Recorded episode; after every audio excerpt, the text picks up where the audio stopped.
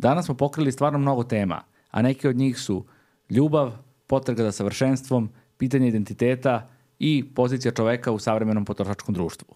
E, naš večerašnji gost je Milan Damjanac, psihoterapeut i filozof, predsjednik PLK centra koji se bavi konstruktivističkom psihoterapijom. E, ovom prilikom vas pozivam da nas postavite i na Patreonu gde imate dodatan sadržaj samo za članove i da vas pozovem da se registrujete ukoliko to do sada niste.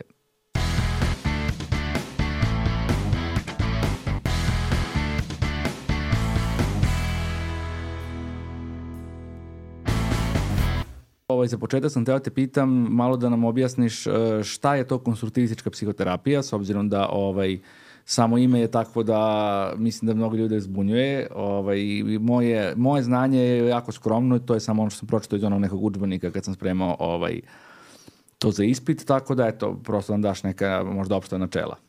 Prvo, hvala tebi na pozivu, uvek ću rado doći, ja i volim da komuniciramo onako na usno rečeno slobodne teme, a da pokrijemo neke važne uh, psihoterapijski i društvene onako segmente koji su bitni za ovako vreme u kom živimo. Što se tiče konstruktivizma, to onako terapija koja je malo poznata na ovim, na ovim prostorima, do duše istini za volju ima malo i do toga što nismo baš promovisali ovaj konstruktivističku terapiju ranije, sad se nekako trudimo da to ispravimo. I u suštini konstruktivistička terapija se često učbenicima predstavlja kao kognitivistička, što ona nije. Konstruktivistička ti je prilike kao što u psihoanalizi imaš psihoanalize, tako i konstruktivizam imaš konstruktivizme, pa tako, jel, imaš različite oblike konstruktivizma. Ono što mi radimo u školi pretežno je ta neka priča koja se oslanja na psihologiju ličnih konstrukata Georgea Kellya, što ti je neka vrsta psihodinamike bez one priče o nagonima i ostalim stvarima, ne zato što ne verujemo da ih ima, nego zato što smatramo da kad kažeš nagon, odmah učitaš gomilu nekih vrednosti koje kultura učita u to. Tako da ajde da kažemo da mi ovaj, gledamo svet kroz mrežu konstrukata. To probaš da zamisliš kao neke naočari. Okay. I onda nekako ono što ti vidiš kao fenomenologiju filozofije, jel? ono što ti vidiš jeste zapravo transfer o čemu je Kelly recimo dosta pisao kao i psihoanalizi, tako da sve što radimo, sve što vidimo, sve što osmo je nekako, nažalost ili na sreću, plod onih naših prvih iskustava sa roditeljima, starateljima iz detinjstva, na koje smo kasnije dodavali obrazovanje, edukacije i ostale stvari druge ljude, ali često to, izbor partnera, izbor prijatelja, bude određen tim prvim kanalima značenja. I onda zapravo nikad ne vidiš svet kakav takav je, nego ga vidiš malo onako prožeto sa tim mm. stvarima kako, sa kojima... Vidiš kakav si ti, u stvari. Apsolutno, ti zapravo kad govoriš o drugima, zapravo govoriš mm. o sebi. Mm. I to ti je osnovna stvar. Tako da konstrukt je e, bipolaran, što u prevodu znači da ne možeš da kažeš da je nešto dobro ako nemaš koncept toga šta je loše. Tako da, ajde da kažemo da a, naše naša dešavanja koje smo imali u detinstvu i kakvi su nam bili roditelji i kako su nam iskustva bila, nam određuju šta mi to hoćemo da budemo. E isto tako u odnosu na to šta hoćemo da budemo ima i ono što nećemo da budemo. I naravno većina tih konstrukata nije verbalna i to je razlika recimo odnosu na kognitivizam, mi to zovemo preverbalni i neverbalni konstrukti, mm -hmm. znači sve ono što ti zapravo oblikuje način na koji ti razumeš svet, da se ti toga nažalost i ne sećaš. I onda se na tome nekako radi na terapiji, pa onda ljudi kažu pa kako, pa probaš da te neke telesne osete prevedeš nekako u osjećaje, pa vremenom prevedeš i u reči. Mm -hmm. Znači da probaš da se povežeš sa onim, recimo, prosto neke stvari će da te, što bi se rekao, kolokvno rade, jel? Jeli?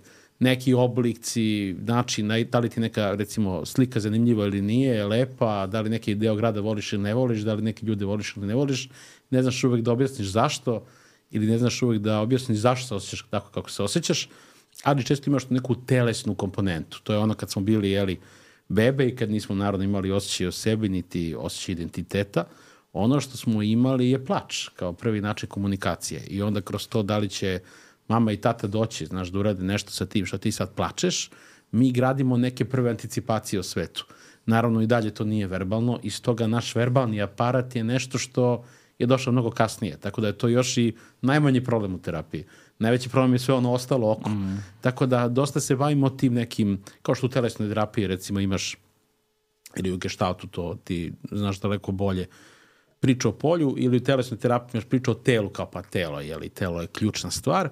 E ovde bismo rekli da telo nije odvodno psihe. Nekako da prosto to su dve stvari koje smo mi kolokvilno podelili kad govorimo mm. i onda kad kažemo na primjer psihosomatika, pf, ne znaš o čemu zapravo pričaš. Logično je da kad polomiš nogu, to utiče na tebe psihički, e pa logično je kad se osjećaš psihički loše, to utiče na tebe fizički. I nije to nekako odvojeno kod nas. Tako da u tom smislu, ajde da kažemo, bavimo se konstruktima, te neka mreža kroz koju gledamo svet. Čak i te neke emocije, ti neki doželjaj kroz telo takođe su neki ocijaji ili odjeci onoga šta si bio kao mali, šta ti se dešavalo kad si bio jako mali, čega nažalost često ne možeš da se setiš, ali vrlo utiče na to kako se povezuješ s drugim ljudima, šta radiš s drugim ljudima i tako, to je sad onako okvirna stvar. Tako da u principu radimo to i radimo dosta socijalnog konstrukcionizma, odnosno malo a, socijalnoj strukturi, gde živimo, kako živimo, uticaj kulturu, uticaj društva, uticaj ekonomskog sistema, političkog sistema, kako se formiraju dijagnoze, kako se formira odnos prema psihologiji, prema određenim stvarima koje mi nekako tretiramo kao, tako je to, kao da su nađene kao šimpanza u prirodi, a u stvari su naravno smišljene u nekom sistemu i imaju ulogu u nekom sistemu, tako da se teško može pričati o mentalnim problemima, a da se ne priča i o društvu. Eto, to bi ti onako bilo Da. najkraće. Da, da, pa dobro, ovaj, e, kad si pričao ovaj prvi deo priče, nekako nije mi ništa toliko strano i mislim da je to i, kod, i u Gestaltu kod nas, a i u mnogim drugim ovaj, školama ovaj, postoje neki slični, ovaj, da kažem, e, pogledi koji možda je terminologija drugačija i eto, možda malo drugačiji okvir posmatranja, ali mnogo toga je slično. Kad si pričao o tim značenjima prever, preverbalno i slično, ja sam neko im zamiš, zamišljao kao da probam da, da, da to nekako obuhvatim, kako, kako, kako su to neki samo filteri koji nam se stavljaju ovaj, uh, od samog detinjstva i kako onda mi svet ne posmatramo nekako potpuno objektivno, nego kroz taj prizmu tih naših filtera i kako se to verovatno vremenom nadodaju samo još i još, ali kako su ti koji su u, u ranom detinjstvu verovatno najznačajniji, je tako? I ovaj, I kada kažeš samo ovaj da pojasnimo, o, da li sam ja dobro razumeo, a i taman za publiku još jedan put, znači ideja je da sve to što je, da, što kažeš preverbalno, znači nije na nivou reči, nego na nivou osjećaja, tela i slično, a opet u velikoj meri upravlja našim ovaj, životom ili bar da kažem utiče na neke naše odluke, je ideja da se kroz terapiju prevede u verbalno, da bismo mi mogli da ga razumemo, a kada ga razumemo, šta je onda ideja? Da ima manji uticaj na nas onda, je li to nekako cilj šta? Jeste. S tim što, znači, kad skineš te naočari ili taj filter, ne ostaje ništa. To je stvar. Znači, uvek moraš da imaš neke naočare, neki filteri. U suštini u životu ti imaš samo izbor šta ćeš da staviš na oči. Mm. Znači, ti biraš šta ćeš da napraviš od onoga što je ponuđeno, što bi se reklo. Da. Odnosno, šta ćeš novo. E, tako i ovo, kad nekako bolje shvatiš sebe i šta ti se zapravo desilo i šta radiš i zašto praviš te odluke, ti možeš da se promeniš. A kad se ti promeniš, promenit će se i odluke, imaš veću Da. kontrolu, u dobrom smislu reči. Pa jeste, ovo posjeća me, mislim, mogu da napravim analogiju sa onime što mi u gestaltu imamo i zovemo introekti kao ovaj, ta neka konstru... u stvari reč koja označava sva neka naša uverenja, da kažem, pogleda na svet, vrednosti, koji su usvojeni u rano detinjstvu, isto tako pre perioda kada smo mi mogli o tome da kritički razmislimo i da razumemo da li nam to ovaj odgovara ili ne i to na primjer ono treba to su sve one treba i mora kao treba poštovati starije treba ovaj biti poslušan treba biti dobro dete ne treba se ljutiti ne treba plakati ne treba sve to kako nam ovaj kažu ono kad kad si mali.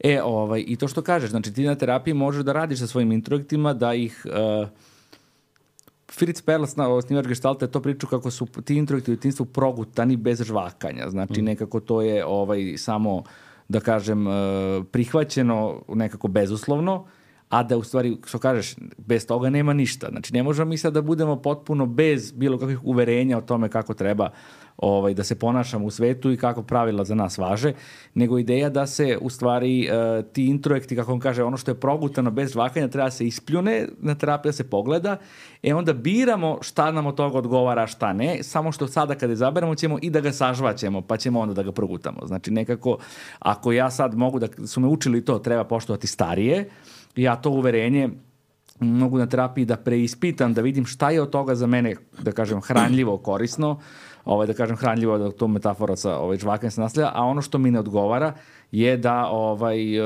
prosto neko odbacim. I tako sa svim tim nekim našim ovaj, bilo kojom vrstom uverenja o tome kako treba živjeti život, znaš, i šta, šta, šta, to, šta to nama u životu odgovara, što kažeš, ne možemo da budemo bez toga, samo možemo da biramo, pretpostavljam, koje ćemo i tako je i kod vas, moraju da postoje neki od tih konstrukata. u- Moraju. Jednostavno ne možeš da gradiš ni od čega. I u suštini ti se krećeš u nekom socijalnom kontekstu i u svetu i ti ne možeš da funkcionišeš bez nekih naočari, odnosno moraš da imaš mm. nekakva, ajde, uverenja ili kod nas mi smo rekli, konstrukti nije važno, znači opet različite terapijske škole, različita terminologija, različiti načini govorenja o istom. A u suštini ono što je ključno na terapiji je da shvatiš zašto si takav kakav si, ne zato što je terapija kopanje, pa sad ti iskopamo sve živo iz mm. detinjstva, nego došao se s nekim problemom, pa sad treba da vidimo šta je u vezi sa tim problemom. Ja obično ljudima kažem, terapija usno rečeno ima tri dobre faze. Prva faza je kad ti klijent dođe i kaže ja imam taj taj problem, znači faza pritužbe. Druga faza, znači u toj fazi klijent treba da vidi da ga razumeš, da ga čuješ. Druga faza je kad ti malo vidiš kakve pritužba ima veze sa njim, njegovim životom, njegovim odrastom, njegovim izborima u krajnjoj liniji. I treća faza ako uradiš sve kako treba je onaj moment da će klijent da bude besan od tebe, jer će da shvati da su prva i druga faza povezane. Odnosno, shvatit će da je njegov problem povezan sa onim ko je on i da on mora da se menja mm. i da to što, nažalost, vrlo često ljudi odrastu užasnim okolnostima i i nevoljeni, i neprihvaćeni, i to se često meša, ali pre svega neprihvaćeni mm. od strane roditelja i od okoline i odbačeni i onda sad, znaš, odrastu sa tim osjećajem da će i drugi da ih odbacuju i to je sad ta mreža konstrukata koju praviš, svi će da me odbace i tako dalje, tako dalje a da je često recimo nisi ni svestan, pa onda to odigravaju na, tera, na terapiji, znaš. I terapeut će da me odbaci, i on će da me, da me šutne sa terapije, i on me zapravo ne voli, ti to radiš samo zbog para mm. i tako dalje. I onog momenta kad ljudima pokažeš, ok, da, na, mislim, naravno, to se desilo, međutim, pored toga što se to desilo, ti možeš nešto s tim da uradiš sada, da živiš dalje, ljudima je jako teško nekako da prihvate da sad, što jeste teško generalno u životu, ti sam nisi sebe upropastio, a sad ti sam sebe treba popravljaš. Mm. Neće doći mama, da. tata i strici strina i da popravljaju ono što su pogrešili, nego ćeš morati sam ti uz pomoć tog terapeuta, terapeutkinje. I onda ljudi, znaš, ne biraju terapeuta po tome iz koje škole, nego kako im se ko dopadne. Pa da. Tako da, po, da li neko ličnost ovako ili onako, jer ti moraš da postaviš neki odnos i odnos je taj koji je lekovit. Jer onda kad budu teški trenuci na terapiji, kad shvatiš da sad ti treba podrška i da je ovo mnogo teško i terapija često može da ti učini da ti stvari budu još gore u jednom periodu, zavisi naravno kako je problem. Jako je važno da preko puta imaš osobu s kojom možeš da pričaš. I onda, ključno je to, kao da li ja mislim da pred mojim terapeutom mogu da se otvorim, da bude manje u stidu, mm. da mogu više da podelim nešto svoje i tu ulazimo u ono koliko ljudima danas teško inače nađu ljude s kojima mogu da razgovaraju, koliko smo mi proterali bliskost iz javne sfere. Da, da, pa evo imam sad nekoliko ove asocijacije na ono što sad rekao, ovaj, Meni je, na primjer, to što ti pričaš ovaj, kada si objašnjavao tu neku opštu teoriju prilično utešno. Mislim, meni je bar to doživljan kao pozitivno, jer kao, eto, ovaj, za to što mi se dešava, ipak postoji neka vrsta objašnjenja koje možda se razume. Nije kao, ovaj, eto, ja sam sada, ne znam, tužan ili nezdovoljan i to je potpuno bez razloga. Meni, bi ta, meni je ta alternativa mnogo strašnija, a mislim da dosta ljudi nekako ovaj, u nedostatku bilo kakve edukacije iz polja, na primjer, emocija, imaju tako utisak da imaju promene raspoloženja, da ne znaju zbog čega, eto, kao to.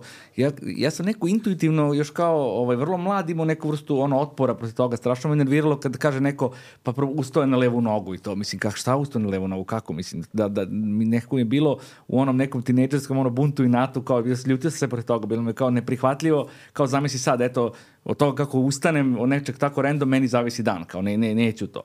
I onda mi se nekako ovaj pogled, mislim, eto, mislim, nisam ni ja slučajno tu gde sam, ali ovaj, kako je za mene lično utešno to da, da prosto postoji razlozi za naše osjećanja. Čak koliko god oni bili daleki i, i možda i teški i koliko god treba muke da se možda sve otkrije, ipak, ipak postoje.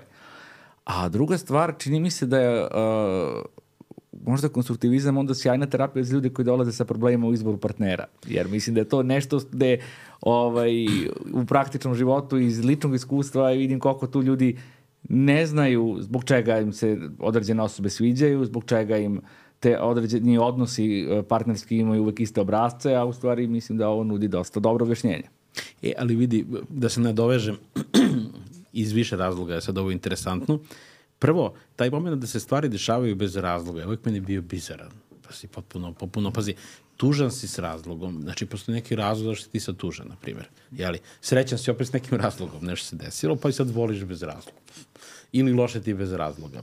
A pritom je to dosta to, to u kulturi, taj, to prebacivanje odgovornosti. Pa to ono, ustao sam na levu nogu, takav sam, kakav sam, to je tako genetski, to je, me na to, je, to je, u stvari, biologija je baš dobar, u stvari, kanal da se ta odgovornost prebaci negdje drugde, kao eto, to je kao takav sam, takav je temperament ili tako, znaš. A vidiš kako, na primjer, interesantno je kad pa, ima u konstruktivizmu čitavih radova na tu temu, kako se recimo menjala struktura u različitim socijalnim društvima, pa možete vidiš recimo kako se menjao odnos prema tom prebacivanju odgovornosti. Pa je nekad bilo otprilike nije do mene do genetike, pre toga je bilo nije do mene do, ne znam, Boga je, to mi je Bog tako odredio, sudbina mi je takva, mm. to je bilo pre toga. Da. Pa nisam ja, pa to je tako zapisano u zvezdama, ovo je sad najnovije, to je moje autentično ja i tako dalje, znaš, i onda pokriješ te neke stvari. A onda kad biraš partneri, kad se stalno zakopavaš u životnim izborima, pogrešni poslovi, pogrešni partneri, pogrešni ljudi, pogrešni prijatelji, onda ne kažeš čekaj, ko ja izaberem 4, 5, 6, 7 pogrešnih partnerki, koje, što bi rekao jedan moj ovaj kolega, se zovu različito, u stvari su ista osoba u pitanju i onda se ne zapitaš u nekom trenutku ima li negdje i moje odgovornosti. Ko je zajednički menilac kod mene i sedam različitih osoba kao šta je zajedničko u svojim tim odnosima, da. E, to se ne zapitaš i onda zapravo ne shvataš da ti zapravo tu nešto odigravaš sa tim ljudima. Pritom, evo, ajde, mi svi koji se bavimo usno ovim profesijama, bilo kojim pomagačkim, smo bar nekad u životu odigravali tu neku ovaj, pomagačku profesiju u vezama. pa sad znaš, njega ili nju spašavaš, pa eto ja ću da je spasim, onda će ona da ne znam šta, da procveta, procveta kao cvetić, da procveta, jeste, jeste, i onda će mi bude zahvalna, u stvari ona se, jeli, znači, ne može bez mene, i onda ona mene krene da guši, ja hoću da pobegnem iz tog odnosa, i onda imaš ono kod Berna u transakciju, negde ti postane žrtva tog odnosa koji si napravio, si ti bio spasilac u startu, e, to ljudi recimo ne razumeju. Ja to uvek edukantima kažem, reko, ja ako hoću da budem nefer prema vama, ja ću vam reći ja sam to radio zato što sam ja imao potrebu da spašam te jadne žene i ja sam tako voleo, isto kao što sam birao ovaj posao jer sam voleo ne, nego je, znaš, prava istina u tome da sam ja to radio zato što sam imao jako nisko samopouzdanje, odnosno precizno samopoštovanje i onda samim tim sam se strašno plašio će neko da me napusti. I onda ti kad kao spasilac kreneš da spašavaš nekoga, onda kažeš, ok, osoba nema previše kapaciteta, fina je dobra ja ću da joj dam ono što joj treba, ona će onda da procveta, da se izvuče iz ovoga, a onda će iz zahvalnosti da mm. da ostane tu i zapravo te priča o kontroli, da ti zapravo kontrolišeš drugu osobu i nisi se pusti u odnos. I to je jako teško sebi da priznaš da iza mm. nečega što deluje kao jedna fina pojava onako na oko se u stvari kriju takvi motivi. I zato mi imamo cijelu kulturu koja ti tako krije da se ti nekako odgovoran, naravno odgovora ne znači što ti biti kriv. Da, pa to bolje to. znaju pravnici, ali mislim, znaš, taj moment nisam ja birao, nisam ja hteo da budem takav u tom nekom smislu. Kao seo si na stolicu pa si izabrao ću da spašam ljude. Mislim, nije to išlo tako, nego si imao nekakvo detinjstvo ili probleme, recimo, gde si se više bavio time kako da preživiš i da vidiš kako je kome oko tebe, nego kako je tebi i onda se odlučio da odeš u tom profesionalnom smislu i karijeri, znaš, a tako ti isti u vezama. I onda ljudi, recimo, uopšte ne povezuju to kako su porasli i u kojim porodicama i koju ulogu odigravaju u tim porodicama i onda koju ulogu odigravaju u partnerskim odnosima u vezama, šta zapravo rade, a sve vreme samo vrte isti obrazac u krug. Pa da, ali to, mislim, ljudi to nemaju ni priliku nekde da nauče. Znaš, ono što ti imaš u nekoj opštoj kulturi je neka vrsta nekog karikaturnog prikaza nekih ono Freudovog Edipovog kompleksa kao eto to eto no, ono, znači kao muškarci biraju žene slične ma, mamama a, a ovaj žene biraju muškarce slične tatama i kao to a nemaš evo to tu neko ovaj uh, da bilo ko decu mislim i mlade uči tome to mislim to ne postoji znači pa ne postoji. A pritom, pazi, ljudi ne razumeju koliko su tu uloge komplementarne. Naprimer, moj klijent, stari klijent, ja uvijek šalim se, ovaj, dobio sam dozvolu da pričam, ja? ovaj, e, stari klijent jedan, ovaj, on je recimo porastao u e, porodici gde je njegova majka bila klinički depresivna i otac nikad nije bio kući. I sad znaš, otac nije kući, majka klinički depresivna i šta sad umu malog deteta možeš da stvoriš, od majke zavisi hoćeš li ostati živ ili nećeš. Što znači treba da sačuva majku u životu, što znači majka treba bude vesela. Što znači što je majka tužna, pa mora da sam ja nešto uradio. To ti je ono što svi smo kao deca to radili, to kao da mene je, mm. znaš, to, to ja upravljam svetom, jel, kao to što su mama i tata tužni, to je do mene, i onda šta je on radio, on je bio najsrećniji dete na svetu. Znači, on uvijek mora da bude srećan, ako nekog dana nije srećan, mama je onda još tužnija, onda on osjeća krivicu, i ono da preživi tu porodicu, to je ta uloga nekoga koji je uvek nasmejan, raspoložen, priča šale, viceve, a zapravo nikad ne dopušta sebe da bude tužan, da bude loše, mm. da mu je teško, onda on tako preživi porodicu jer majka bude, eto, ima nekoga ko nju veseljava i onda on ima utisak, ok, neće ostati sam, pošto tata onako nije tu. On odraste i šta misliš kakve partnerke bira? znači, depresivne. Jer to se uklapa prosto u tu njegovu ulogu. Znači, ako je on neko ko uveseljava, koga će on takav da nađe, Tako pa nekoga ko je depresivan. I ljudi uopšte ne razmišljaju o tome da zapravo ti ulogu koju odigravaš, recimo, ako se dokazuješ, ako imaš utisak da ne vrediš dovoljno i da treba drugi da ti kaže koliko vrediš, tam misliš kakvi partneri će da te privlače. I to onda utiče naravno i na seksualnu želju. Ljudi misle, znaš, seks je jedna biološka stvar. Seks je i biološka stvar. Mm. Ali ti kad si u kulturi, seks dobija neke druge oblike. Ja to ljudima uvek govorim, evo, probajte da gledate seks kao potrebu, ona je potreba, a probajte sad da gledate kao način za nešto. Za šta je seks način? Pa da proverim da smo dalje bliski, da mi dalje voli, da li ovo, da li ono, ha, znači više ne pričamo o seksu. Ili što bi rekla ovaj, jedna moja prijateljica, kaže, ja nisam htela seks, ali onda sam videla da neće ni on, pa sam ga onda htela da vidim da me voli. Mm. I to je baš dobar primjer šta se zapravo dešava sa seksom. E, tako je seks, tako je ljubav i onda uđeš u klub i dopadne se recimo neka osoba, nije bitno, nemaš pojma zašto, jel? Kažeš pa nešto ima kod te osobe što mm. mene radi, a u stvari radite to što te podsjeća na neke obrace iz detinjstva. I ne ono klasično mama, tata, jel? Nego u smislu nešto što nisi dobio, a misliš da je trebalo da dobiješ. A da li je, sad mi, sad mi je baš mislilo pitanje to, uh, pošto ljudi obično to tako ne razumeju šta im se svidi, da li je to baš zato što su, su mnoge stvari na preverbalnom nivou da. ovaj, i to što smo osvojili te, i naše uloge i naše potrebe u stvari na nekom nivou da ni mi ne možemo to da razumemo na nivou reči. Da, pogotovo ako tvoju ulogu generalno, odnosno, znaš, tvoj identitet socijalni, izradiš oko toga, recimo, da dovoljavaš drugim ljudima. Mm. Onda tebe tu i nema, odnosno ima, naravno, svi imamo svoje potrebe, da nemamo, ne bi bili nezadovoljni. Što, to, to, verovatno si video sto puta kad pitaš nekoga za koga vidiš da je nezadovoljan. A ti malo bešni. Ja ne, bože sačuvaj, mm. znaš, meni je sve super potaman. I ti kad si previše u toj nekoj vrsti uloge kao ja treba drugima da dam, ja treba da se pobrinem za druge, ti ne vidiš svoje potrebe. A tvoje potrebe su zapravo ja tebi dam, pošto ne vredujem sebe, onda ćeš ti meni da vratiš. Mm. I tu kreću problemi, jer ti zapravo ne znaš šta treba da ti vrati. Ti ne znaš šta ti treba da dobiješ. Ti prvi ne znaš šta su ti potrebe, pa onda, jel, kako ćeš. Ja se sećam kad sam ja bio na svojoj prvoj terapiji, kad sam bio daleko mlađi nego sad, i kad me terapeut pitao koje su mi potrebe, nisam znao da, govorim. Da. Uopšte. Znači, ja, meni da. tri, četiri im palo na pamet šta me čovjek pita.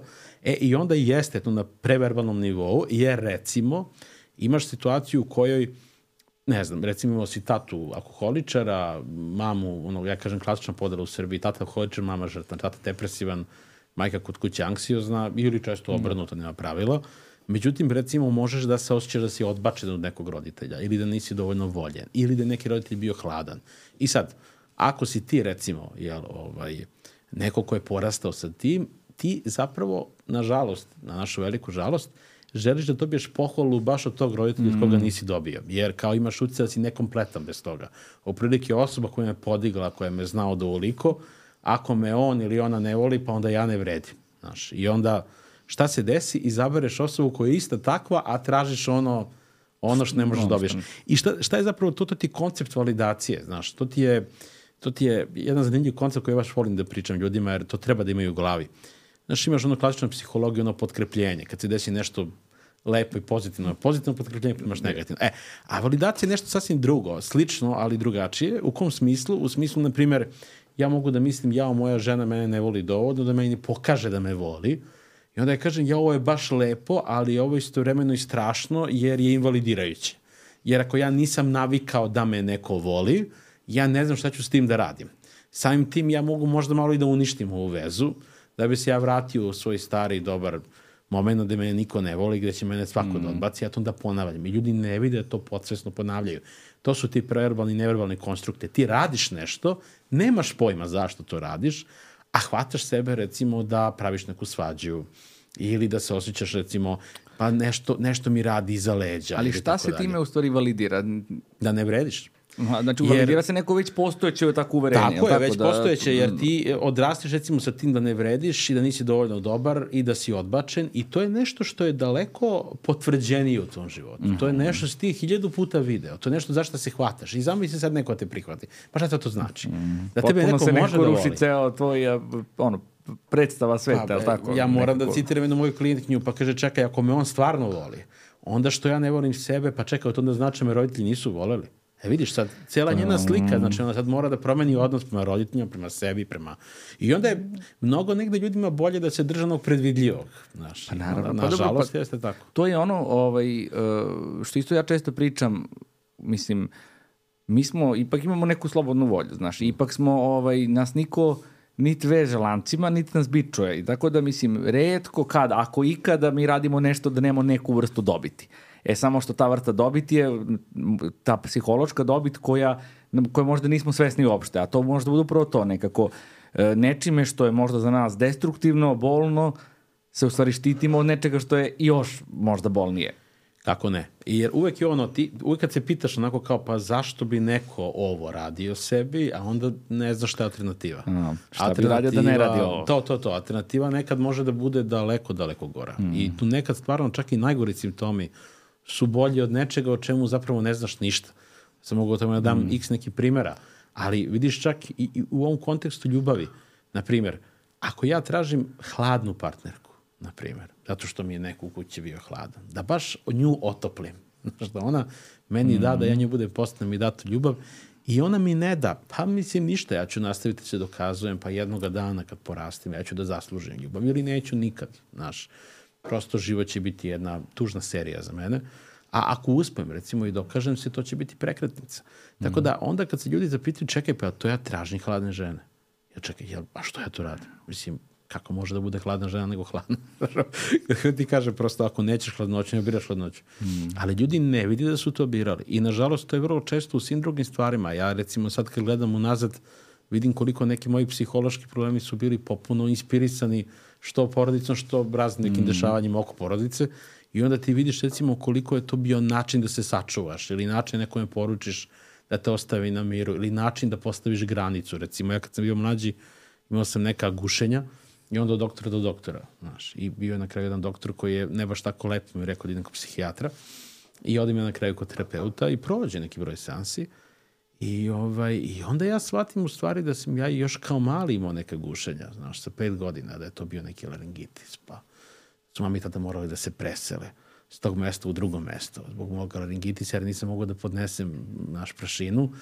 I onda mene terapeut pita, pa čekaj, je to način da ljudima kažeš, ajde svi, ćao od mene, promenite se, a da im to ne kažeš, faktički, da ne izgovoriš, da ne bi umro od krivice.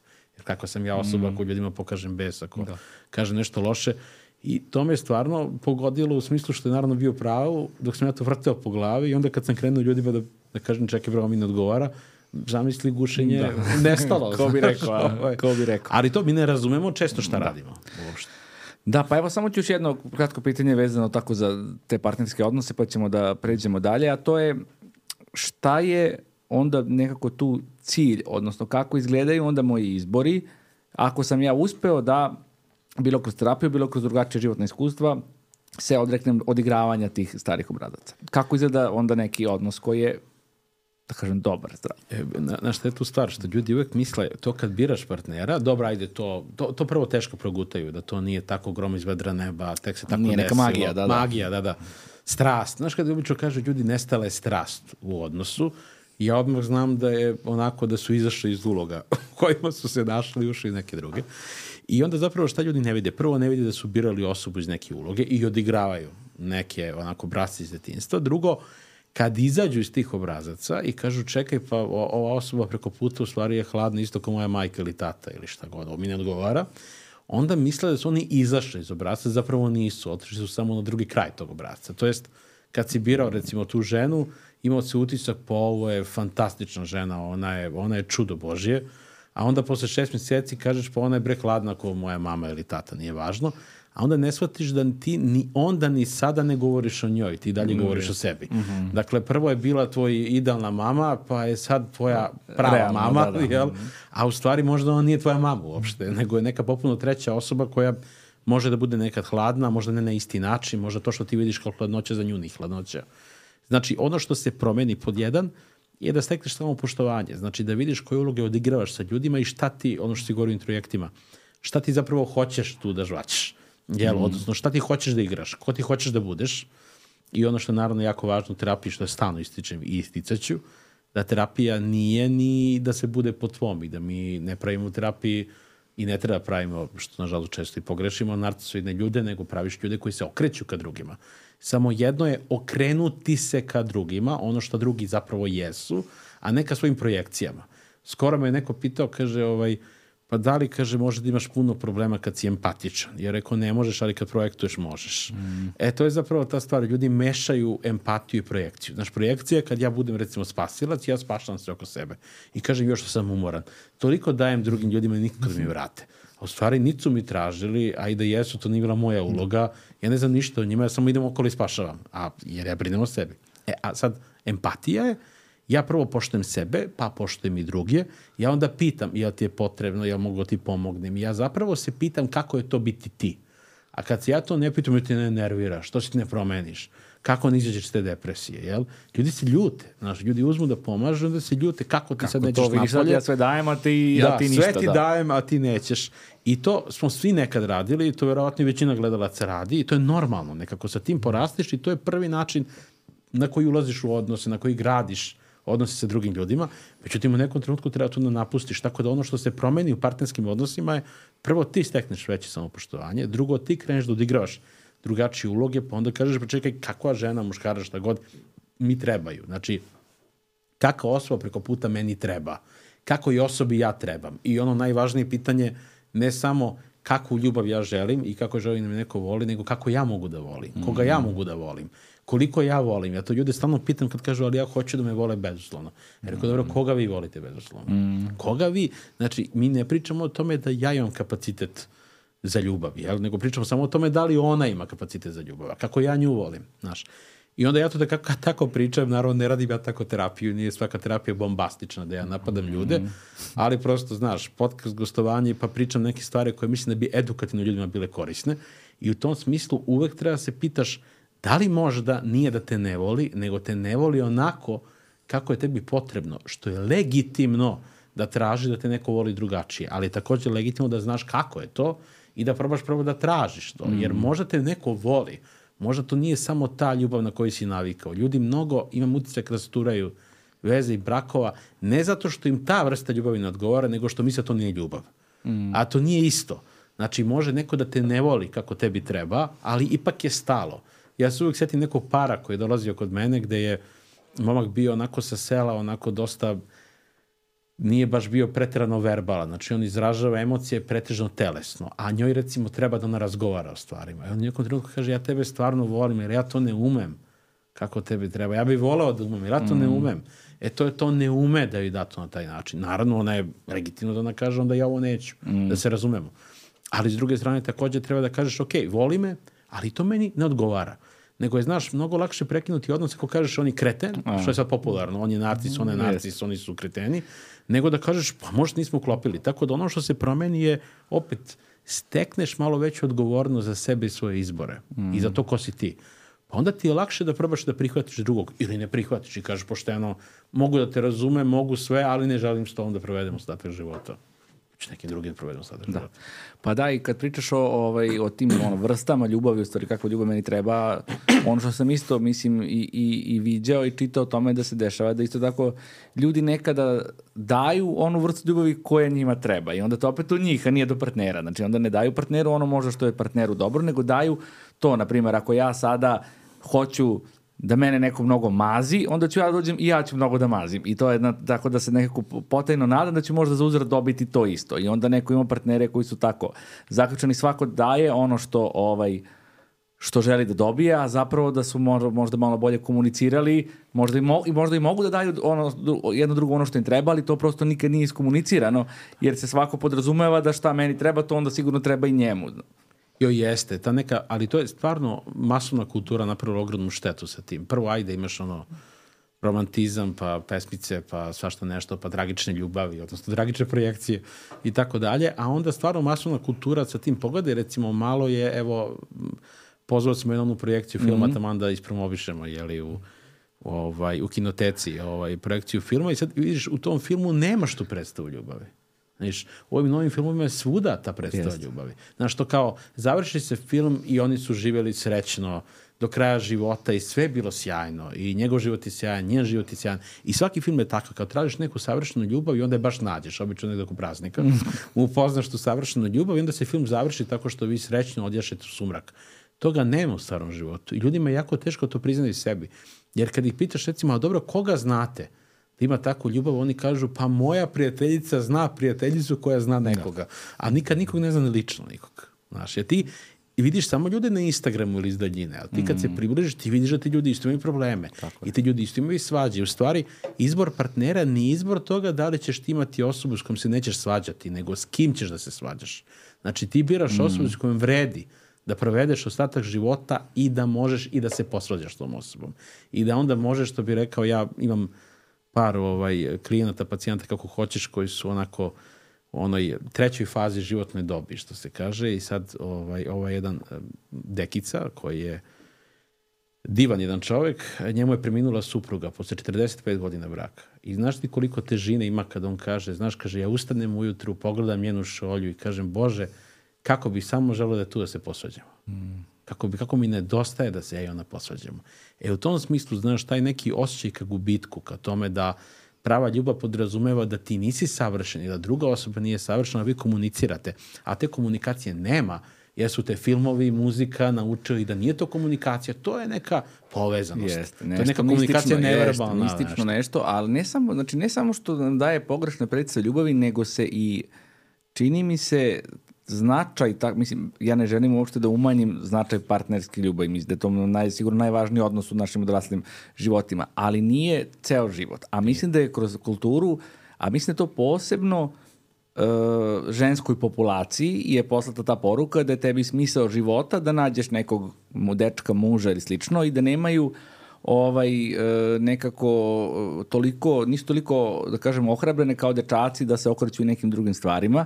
Sećam se ja još ono srednja škola, znaš, i onda me to tako me nekako nerviralo, gledam kao, gledao ove devojčice samo pričaju ko, ko ima dečka, ko nema dečka, znaš, kao mi pričamo, znaš, o, o futbalu, pričamo o igricama, o filmovima, kao, znaš, znaš, sve to interesuje, a one kao samo pričaju o momcima, ali to je zato što nekako kad gledaš te ovaj, e, popularne filmove, romantične i sve, ti vidiš da je zapravo predstavljeno to za, za, za glavnog ženskog lika zapravo je jedini smisao života da ona nekog nađe nekog.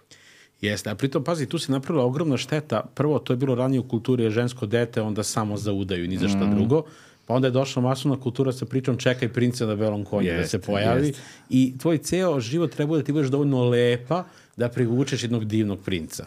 Uz koga ćeš ti da budeš maksimalno voljena i zaštićena. Taj, taj konstrukt biti zaštićen ili ne biti zaštićen, odnosno ne znam šta god, biti uplašen, je nešto što baš imaš često da vidiš recimo kod žena sa ovog prostora, znaš, kad ih pitaš recimo zašto im se dopada neki muškarac i kad ti navode neke karakteristike, lep, visok, ovakav, onakav, i onda ljudi kažu to je evolutivno, pa da, ali to nije samo evolutivno, znaš, na primjer, evolutivno gledano ti ćeš da biraš nekog jakog muškarca da te zaštiti, ali pošto ti živiš u 21. veku, birat ćeš programera, ono, možeš te zaštiti na socijalno prihvatljiv način.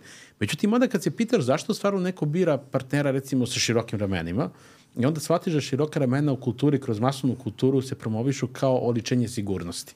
Ako neko ima široka ramena, na njih možeš da padneš, neko može te zaštiti.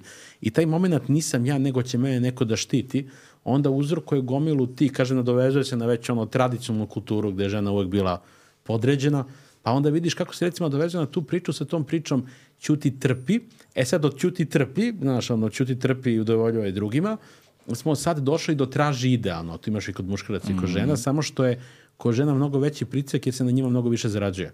I to ti je, znaš, društvo, marketing, potrošačko društvo zarađuje na žena budi još lepša, celulit. Jeste, e, upravo to, I to je cela poenta, da juri to, a onda nemaš ništa drugo, a onda žene koje break free, ono koje recimo to više ne rade, nego recimo odu da recimo jure karijeru, onda da ne znaju kako da pomire te dve stvari i onda imaju ozbiljan problem. Jeste. I vidiš koliko je tu društvo napravilo ogromnu štetu sa tom popularizacijom, ti si samo tu dobra za drugoga.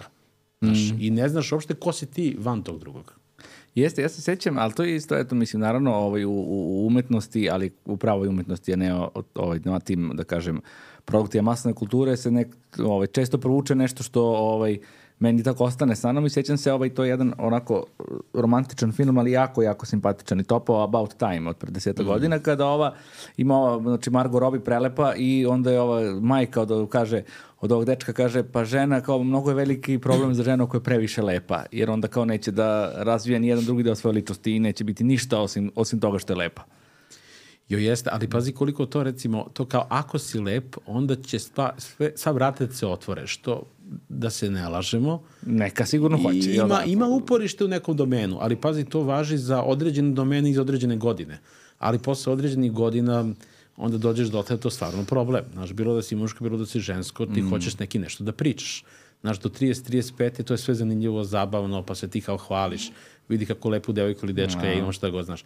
Posle toga ti s nekim treba pričaš, s nekim treba da ostariš, s nekim treba da vodiš neke razgovore. Znaš, lepota je zabavna, ali znaš zašto je sad sve to? Imaš taj moment ti, ne samo što ti lepota otvara razna neka vrata, nego ti to govori o društvu u kome živiš, da se populariše mladost, lepota, sreća, veselje, stalno da budemo nasmijani. Znaš, i ti onda ne vidiš druge ljude. Evo, kratak, kratko vraćanje na temu ljubavi, kad ljudi pričaju bezuslovno ljubavi, ja kažem, dobra, gde ste vi to videli? Oni kažu, pa svaka majka, pazi, molite, svaka majka bezuslovno voli svoje dete. Rekao, ste vi prošetali mm. skoro do Zvečanske.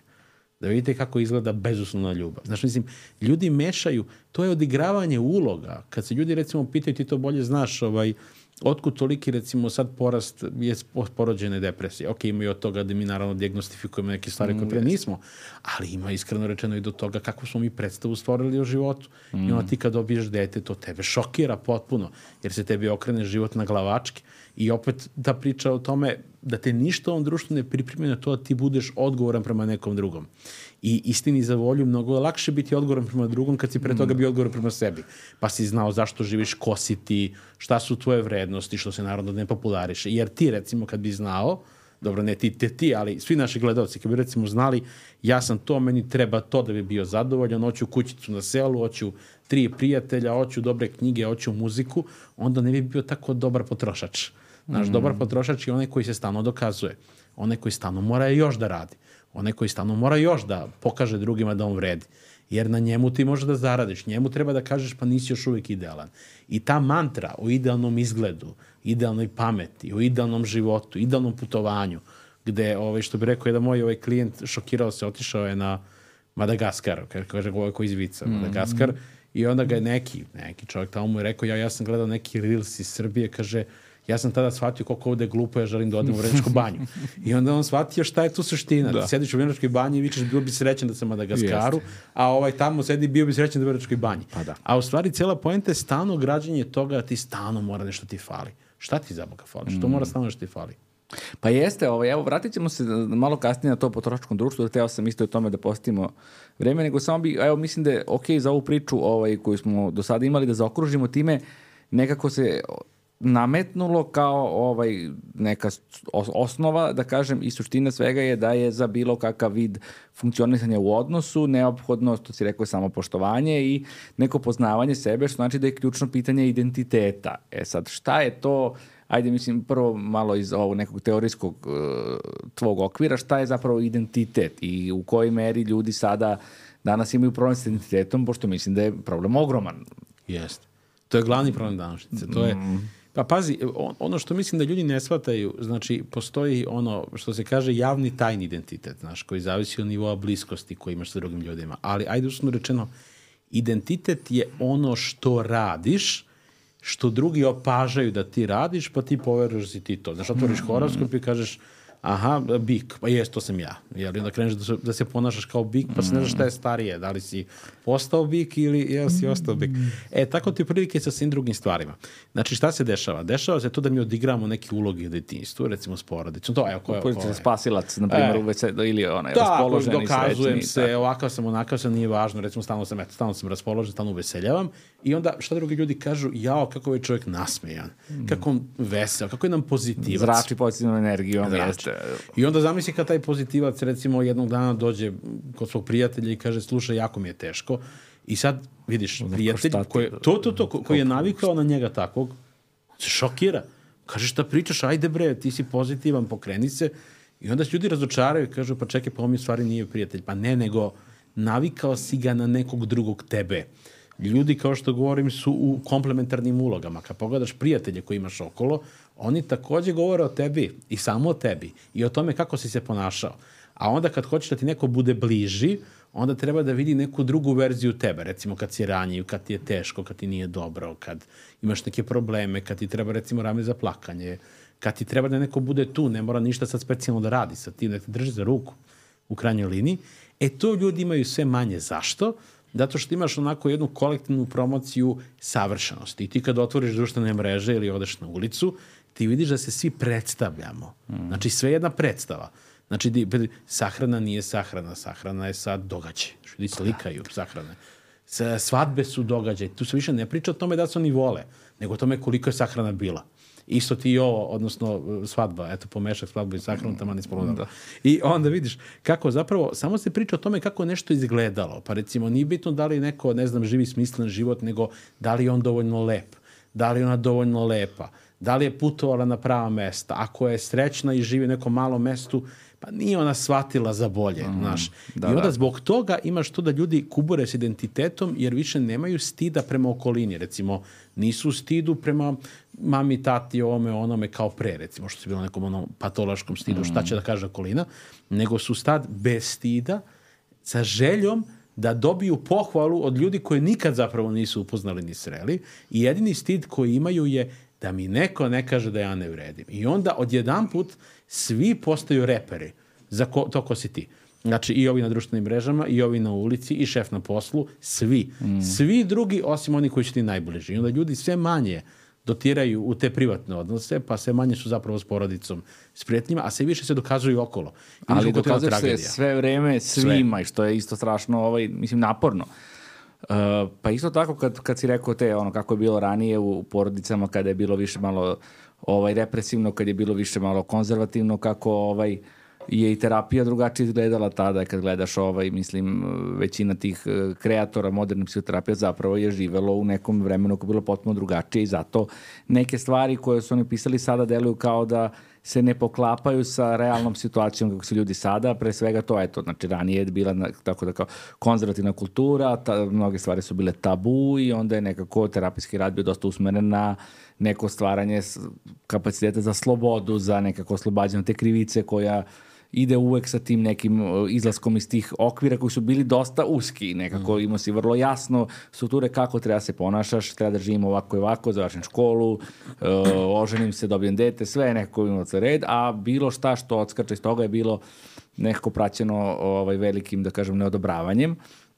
Dok je danas potpuno suprotna situacija, jer danas je nekako ovaj, uh, slobode mnogo, odgovornosti mislim malo, ovaj isto ovaj neka potpuno neprirodna ovaj kombinacija, ali to je to neko ne, brdo izbora. Meni to isto nekako za, meni lično to deluje kao veliki uh, jedan veliki uzrok tog problema s identitetom je taj to to neverovatno mnogo izbora. Mi smo toliko preplavljeni informacijama, mogućnostima, na koji, na šta sve ja mogu. Eto sad, na primjer, ja hoću da upišem psihoterapiju, neku edukaciju, pa sad koju, pa znaš, pazi, to, to je ono, uludilo, pa kao sad šta ću da čitam, pazi, sad ono, na, na klik su mi dostupne sve knjige ovog univerzuma, znaš, kako da izaberem koju.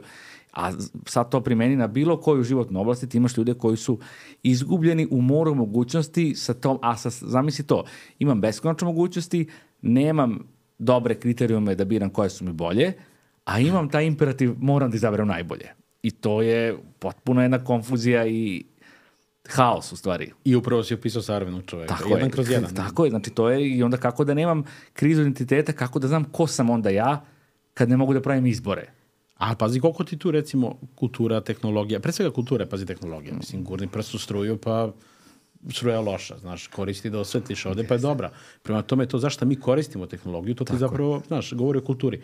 A viš koliko, recimo, to, to je baš interesantan taj primjer koji si dao, zato što je dobar primjer koliko nama dijagnoze sve banje zapravo rade posao. Tako je. I u terapiji, u psihijatriji, bilo gde, to kažem, znaš bolje nego ja. Jer pazi, ajde što ti sad počinješ da rešavaš socijalne probleme kao psihijatar, to je ono, izgubili, izgubio sam posao i teško mi je, Pff, evo ti lekovi, mm. mislim, pobogu. Ovaj, pa naravno, mislim, kako ti kažem, to je normalna reakcija, nenormalna Tako. stvar, ali pogledaj sad ovaj moment, da neko dođe i kaže što imaš poplavu sad, svi su anksiozni, znaš, isto kao nekada u ono vreme kad je kad, ovaj, kad se konzumacija piva, odnosno alkohola je bila najveća po glavi stanovnika, kad se gleda po televizor po ceo dan i koliko god da zaradiš, zaradiš isto na kraju dana. I on naravno si, mislim, depresivan na neki način. I alkohol ti dođe tu kao dobar izlaz. E sad, naravno si anksiozan, si tamo dokazuješ, znaš, ambicija je visoka, treba budem savršen, a što ti kažeš, nemam repere, kao ko ja to Jeste, treba da pa. budem. Ne znam, ja imam jednu, mislim, ja daću jedan svoj ličan primer te to, tog ludila, mislim, naravno, jer ni, koliko god sad mi bili uh, prosvećeni, edukovani, i ti i ja i naše kolege i sve, nekako nismo, ne, nismo ni mi imuni da sve. Ja znam, znači, kao, hoću da gledam neki film sad. I ja sad ulazim u jednu situaciju kao koju ću da gledam i sad imam neku watch listu, na primjer, koja ima, recimo, 200 filmova u svakom trenutku, znaš. I sad ja tako krenem da scrollam i kažem, mogu bi ovaj, pa krenem dalje, mogu bi ovaj, pa ovaj. Ispostavio se ja izaberem 10 filmova, pa sad gledam puf, kako sad, znaš, kako se da izaberem taj, taj izbor postavljam trenutku ovaj, agonija, onda kao eliminišem 2, 3, ostane mi 6 filmova i sad ja eto to, i to koliko nismo u, u ovaj, kontaktu sa samim sobom, kao šta mi se gleda, koji žanar, ja nemam pojma jer sam opterećen time da napravim najbolji izbor za taj dan i šta se desi, ja ih ubacim na random onaj, i to izaberem random koji ću film da gledam i to je to. Znaš, samo sklonimo sa sebe tu odgovornost donošenja odluke za koju nemam jasne pokazatelje koja je odluka dobra. E, ali ima tu i ono, pazi sad, na primjer, evo, ti radiš dosta, ja radim dosta, većina sad ljudi, pogotovo i profesori radi dosta, nažalost, i sad, mi, eto, radiš dosta, dođeš kući umoran. si. Sad kad si tako umoran, nemaš ti kapaciteta za umetnički film, tebi treba nešto da odmoriš mozak. Otvoriš bilo koji streaming servis ili šta god, jeli? Imaš tamo gomilu nekih filmova. Znaš, ranije je bilo, hoću taj, pa skineš taj film, pa gledaš taj Jeste. film. Jedno 500 filmova, 1000 Ja tako, filmova, ne, 1000 i tako ne mogu, tako nikad ne biram, jer tako znam da nikad ne bih izabrao. Kad da, da streamu, da na Netflixu ovako sad listam, nikad ne bih izabrao. Da, da, Onda ja tako. moram da na kompjuteru otvorim, pa da tu malo napravim neku selekciju, ali kažeš ti, na kraju, eto, ja to dam nekome drugom da odluči to umesto mene. A to sad svi radimo, znaš, zato što prosto toliko je, e, e, o, tome, o tome se recimo malo priča, kad živiš u društvu koje je onako malo, to kao moraš da budeš savršen, a ne znam šta su ti reperi za to da budeš savršen, svaki izbor mora da bude dobar jer nemaš dovoljno vremena, Da, taj film mora da ne, valja. Ne, tako je. E, to je, to je veliki deo toga, kao previše izbora, a pre, premalo vremena, znaš, to je... Nemaš vremena za kreativu, niti imaš sposobnosti jer si ubijen u pojam od posla, a drugo, ajde, bar hoćeš da se odmoriš, pa sad taj film mora da valja. Zamisli još dva sata bacio, tih dva sata je, koje si imao za odmor.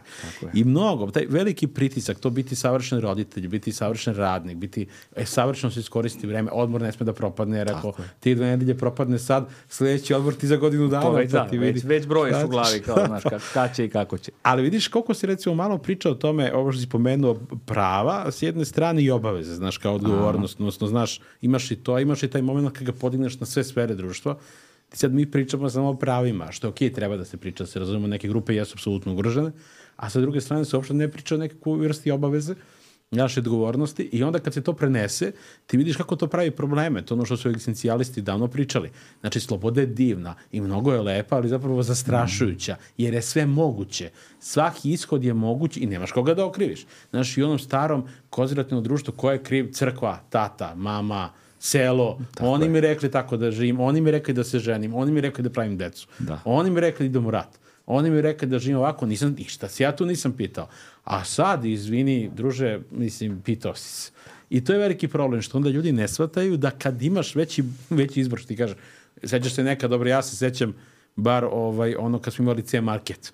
Pa ovde uđeš u C market pa imaš dva proizvoda za jednu stvar. Nema tu sad 150 kečapa, 150 majoneza, pa ti gledaš koji. A taj koji ima. Tako je, pa tako je. Znaš šta, ta, ta, ta, neka, ta neka potreba za tim da se napravi dobar izbor, a u nekim situacijama je, ja mislim, najzdravije da prihvatimo da izbor nije ni toliko bitno ko je. Znaš, to, evo sad sam potio sa supermarketom, znaš, sad ja uđem i sad ima onaj sa sokovima, onaj ceo raf, i sad, da li se meni pije sok od naranđe do danas ili od breskve na kraju dana, mislim, nije ni bitno, jer koji god da kupim, bit će mi lepo, znaš. Ali opet je to, neka potreba je kao, pa koji mi se sad najviše pije, pa sad kao, eto, i kao kako. Ali vidiš, to, to čak ide malo i sa tom patologizacijom e, društva u smislu, sad, na primjer, evo tebi sad dobro, e, ipak idi ti na terapiju.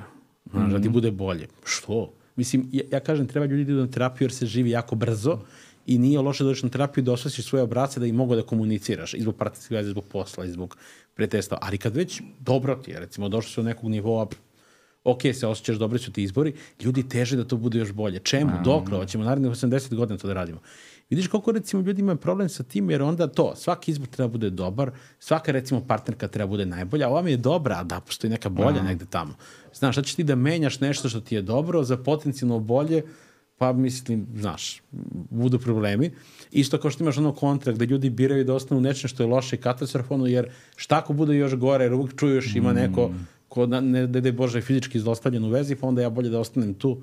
I onda se uvijek setim da mog prijatelja koji mi je davno, davno rekao, Milane kaže, ako tako budeš razmišljao, ovaj, propustit ćeš mnoge koje jesu bolje.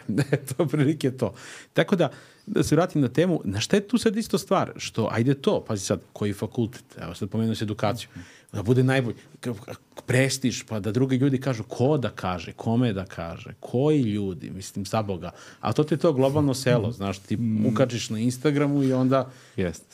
Evo, evo, na primjer, ova emisija, sad ti imaš neke komentare ispod. Samo misli sad kad bismo ja i ti čitali svaki komentar i užasno se nervirali oko svakog negativnog komentara. Pa ja ne mogu da spavam. Pa I sad te pogledaš, većina ljudi ima problem sa tim i ja sam ga imao nekad, sad naravno ne, ne sa komentarima, nego sa komentarima u stvarnom životu, gde ono kao, koji fakultet, pa meni se tvoj izbor ne sviđa, pa mi se tvoja mm. devojka ne sviđa, pa mi se tvoji prijatelji ne sviđaju, dobro, meni se sviđaju. Kako da ti kažem, jel, treba da bude bitno šta drugi ljudi misle, naravno, ali bliski ljudi, Tako. kojima veruješ, koji te poznaju, kojima zapravo može da budeš blizak. A ovako kad tražiš savršenstvo, dođeš do onoga što recimo Jalom stalno govori ovaj, eh, da, da ne samo što, što ti kažeš, znaš, sloboda je strašna jer može svašta da ispadne, pa ne znaš šta da odabereš, nego onda smo izgubili kapacitet da se povežemo. Pošto je toliko predstavljamo, niko više nije ranjiv. Ti imaš gomilu mm. ljudi koji su u vezama, brakovima, odnosima, i to ne samo partnerski prijatelji, da ti ne poznaješ osobu preko puta, pa ti deceniju sa nekim. Pa ti da provedeš deceniju sa žabom, Pazi, ti bi imao ideju kako se žaba kreće. Da. Ti, znači, deceniju se otvoriš prema nekome zato što, eto, odbacit će me ili ne znaš da mm. kažeš ništa o drugoj osobi sem tvojih projekcija i to je ono što je zastrašujuće. Smo mi društvo doveli dotle da mi ne znamo, jer ja se uvek setim, ovo će da zvuči kao na priča, uvek setim moje babe, ali uvek setim moje babe koja mi je pričala kako su ona i deda, ovaj, uprko s željama porodice se uzeli, pobegli iz sela, otišli u grad, I onda kako nisu imali novca i onda su tražili posao, pa ona našla da bude administrativni radnik, iako je bila ono vreme završila fakultet, jedna od redkih, ali nije, nije prosto bilo u tom trenutku, nego ajde po svaku cenu da budu zajedno i da rade bilo šta. I onda on tražio posao i živjeli su njene male plate. Mogli su da izneme samo jednu sobu kod jedne stare bake u tom gradu na periferiji. I najsrećniji dan je bio kad su kupili zavesu. To je bila prva stvar koju su njih dvoje kupili zajedno. I oni su uspeli da napravi porodicu i, i decu i da izgrade karijere i svašta nešto. I onda ona ima to kad kaže, znaš, kaže, ja sve razumem, kao društvo se promenilo, sve je tu u redu i drugačiji su odnosi, ali je se uopšte priča o tome da ta osoba koju biraš treba da bude osoba pre koja možeš da plačeš. Ja se uvek setim toga. Jer kakav god daje i šta god daje ovaj, pričala vezano za vreme u kojem je ona mhm. porasla, kojem možda kritikuješ svašta nešto, činjenica jeste da mi se manje imamo kapaciteta da budemo ranjivi jedni sa mhm. drugima. I onda vidiš koliko ta predstava je pojela ono što se zove onaj privatni identitet. Znaš, ono što ti, na primjer, želiš da s nekom osobom prijateljem, recimo, podeliš s mamom, s tatom, sa otko znam, nekim ko ti je blizak. Mi to više nemamo. Mi toliko se predstavljamo da se predstavljamo i pred partnerima i pred prijateljima i pred... I to, to je dostiglo toliko zastrašujuće razmjere, šta ako te odbaci, šta ako nisi savršen, šta ako ti kažu glupsi, šta ako tvoja vrsta muzike nekog otera da. od tebe. To je popuno da, da. uvrnuto dok se došlo. Pa jeste, ovaj, vidiš kako ovaj, ja nekako pratim na društvenim mrežama te neke, na primjer, i popularne podcaste ovaj, uh, pre svega ovaj, neke američke i, i koje su tu teme, znači ne, ne mislim na našu struku, nego generalno kao šta. I mnogo vidim uh, u posljednje vreme toga da nečega što se zove nekako kao neka vrsta optimizacije zdravlja, na primer, gde se sada dosta promovišu razne vrste suplemenata i tako nekako malo nekritično hvale promene nekih navika vezane za ishranu, za spavanje, za sve. Mislim što sve, ne, sve su to neke priče koje ka, i kad su legitimne nek, nekad imaju smisla, ali se značaj toga prenag, prenaglašava. I nekako kao da se to, ta težnja za savršenstvo, znači ja sad moram da optimizujem to i nekako to mi je neko paralela sa razvojem IT sektora i kako programera i ko mislim sa njim imam dosta iskustva jer mnogo mojih bliskih ljudi su programeri i vidim da tu postoji taj neki mentalitet kao da se da mi sada sebe optimizujemo kao što bismo kompjuter optimizovali, znaš, da mu nekako najbolje komponente ubacimo i da on sad nekako najbolje funkcioniše. A i u, u, u pari to sa svim ono što si rekao, ovo je savršenstvo i neko tu, ono što se tu gubi, pored toga što sad je nekritički prihvataju neke, neke stvari, da onda si imaju velike očekivanja. Znači sad ako pijem ove suplemente, bit ću malo budniji, pa ću da bude malo bolji, pa ću da bude malo srećniji ili ako ono ležem da spavam na vreme, pritom bez nekako ovaj dileme, ne želim da uopšte uh, umanjim značaj redovnog sna kao neke, mislim, osnove našeg funkcionisanja, ali kao ako tu nešto promenim, meni sad će svi moji problemi biti, biti rešeni. I ono što se zanemaruje i, i ostaje neprepoznato je to ovo što si ti upravo rekao i kad si popričao o identitetu, a i ovo posle, a to je koliko je sve što je suštinski nama važno u životu je relaciono i u odnosu sa drugim ljudima. I kako eto kaže, identitet je ono što mi radimo, a da neko drugi vidi. I nekako to koliko je ta cela priča o nekom mom, kaže, dubokom, autentičnom ja šuplja i nikakve, jer šta sam ja bez drugih ljudi, mislim, i koliko je, koliko je sve to što mi radimo džabe ako nekako nemamo sa kim to da podelimo i da se razumemo i što kaže da se prikažemo u onom našem ovaj aj sad ja koristim neki, neki to ovaj neku, neki stvarni naš ono deo, a to, ono što je stvarno u sve, svima nama je ta je ranjivost. Yes. I svi smo preplašeni i svi smo slabi nekad i svi smo ovaj nesigurni i prosto svi se suočavamo sa nekim užasima A to je ono što se svi pokušavaju da kriju. A to je ono što je najuniverzalnije u, u svima. E, e, mora se nadovežem i na ono što si slažem se, na ono što si rekao vezano za uh, terapijske pravce kad su nastajali. Pogledaj sad, recimo, ti da radiš, ja sam imao, to sam pričao s ovim edukantima pre par godina, sam imao nekog klijenta koji je iz jedne male religijske zajednice. I ja sam s njim radio popuno freudovsku terapiju, to njemu savršeno radilo. I tu možeš da vidiš kako je ta terapija, kao i svaka druga terapija, bila vezana za kulturu, vreme i setting. Odnosno, mm. znaš, trenutak gde nabrano ono, supresovani e, nagoni, on ima neke potrebe, da, da. on će slobodu, on ima ne daje slobodu i tako dalje. A tebi danas ne treba to. Ti, ljudi su toliko usamljeni, ne čak ni toliko sami, iako samoća jeste isto u porastu, ali toliko to nisu ranjivi, samim tim su usamljeni, ne osjećaju da osoba preko puta ih razume, to ono jalomo, pitaš ljudi na prvoj seansi koja je najbliža osoba, ljudi krenu da plaču. Znaš, nema juca da ima najbližu osobu, pa si ti dok je to doguralo. I onda ti dođeš do otleda zapravo da bi ti danas radio terapiju, oni više traže prijatelja i druga. Pa tek onda pomoći u drugoj sekvenciji. I onda ti kad radiš terapiju onako tradicionalno, znaš, onako šta je vaš problem? Zbog mm. čega ste došli? A ti budeš onako na distanci, ti ćeš samo da odgurneš ljude od sebe. Oni će nešto ti pričaju, bit će oni dobri klijenti, mm. doneće ti oni neki problem ali zapravo da li će oni zaista da pričaju o svojim problemima i koliko generalno ti vidiš da sve terapije, od psihoanalize do, do kognitivnih terapija sad ide u tu priču mm. raditi kroz svoje iskustvo, kroz kontent transfer za gledalce, znači raditi kroz ono što osjećaš, podeliti nekad sa klijentom, da ti je teško, da si ti nekad imao neke teške trenutke, da i tebi nekad bilo. Taj ljudski moment, jer ga ljudi nemaju u privatnom životu, I onda vidiš koliko to je recimo izmenilo terapiju. Taj moment da ti sad ne možeš da radiš terapiju bez odnosa, ako ćeš pogotovo da radiš sa nečim što je ozbiljnije, dugotrajnije, gde ljudima treba imati neko recimo relacioni probleme, traume. A drugo, pogledaj taj moment gde smo mi proterali ideju zajednice, da imamo te blesave stvari, mi sad pričamo o identitetu, ko treba da te potvrdi, ali ja i ti recimo nijednom trenutku nismo rekli ti sam sebe treba potvrdiš, niko sem sebe. Ta, ja ne znam kako ta ideja uopšte ušla mm, u etar. Da, Pazi, da. Pa svima nama trebaju drugi ljudi, to je popuno blesao. Jer to ide zajedno sa tom idejom, ti se rodiš takav kakav si, ti si autentično takav mm. i onda kad se ti oslobodiš svih tih, što ti jeste, kažeš, introjekata, jeste. konstrukata, ti ćeš sad ne znam šta ćeš da izrodiš. Blistavo biće. Blistavo, da, da, izaće životinja, razumeš? Da. I sad ljudi uopšte ne znaju šta će da izađe, razumeš? Izaće neko koga baš briga za druge. I takav neko je ko je opasan i za sebe i za druge ljude I sad tog nekog društva može da podržava do sutra kao bravo što se ti postavio granice, ali taj neko prvo sa sobom nije dobro, jer ako ti nisi u stanju da nemaš druge ljude s kojima si bliza, s kojima si ranjiv, imaćeš grdne probleme. To može da ti funkcioniše dok si mlad. Kad malo krenu godine, pa znaš, krenu zdravstveni problemi, pa nije ti dobro, treba ti da imaš prijatelje, treba ti da znaš ko ti je komšije ulazu, treba ti da ne prođeš kao pored, to se nekad govorilo onako, ružno kao pored turskog groblja, ali treba ti da ne prođeš kao ko je ovaj čovjek koji čisti sneg. Mm. Neću ja valjda da čisti sneg, nek on čisti sneg. Moje dete je bolje od tvog deteta i ostale stvari.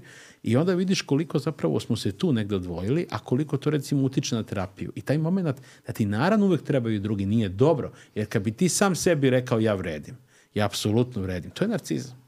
To je narcizam. Ako ti ne čuješ nikog osim sebe. A sa druge strane, ako čuješ sve, a ne čuješ sebe, to isto nije dobro i to je druga vrsta narcizma. Jer to je ono, ti faktički održavaš neku idealnu sliku sebe i to ti je ovo narcističko društvo koje ti forsira, Jeste. bit ćeš savršen. Jeste. Ko je za Boga bio? Jesmo ja i ti savršeni? Neko savršen.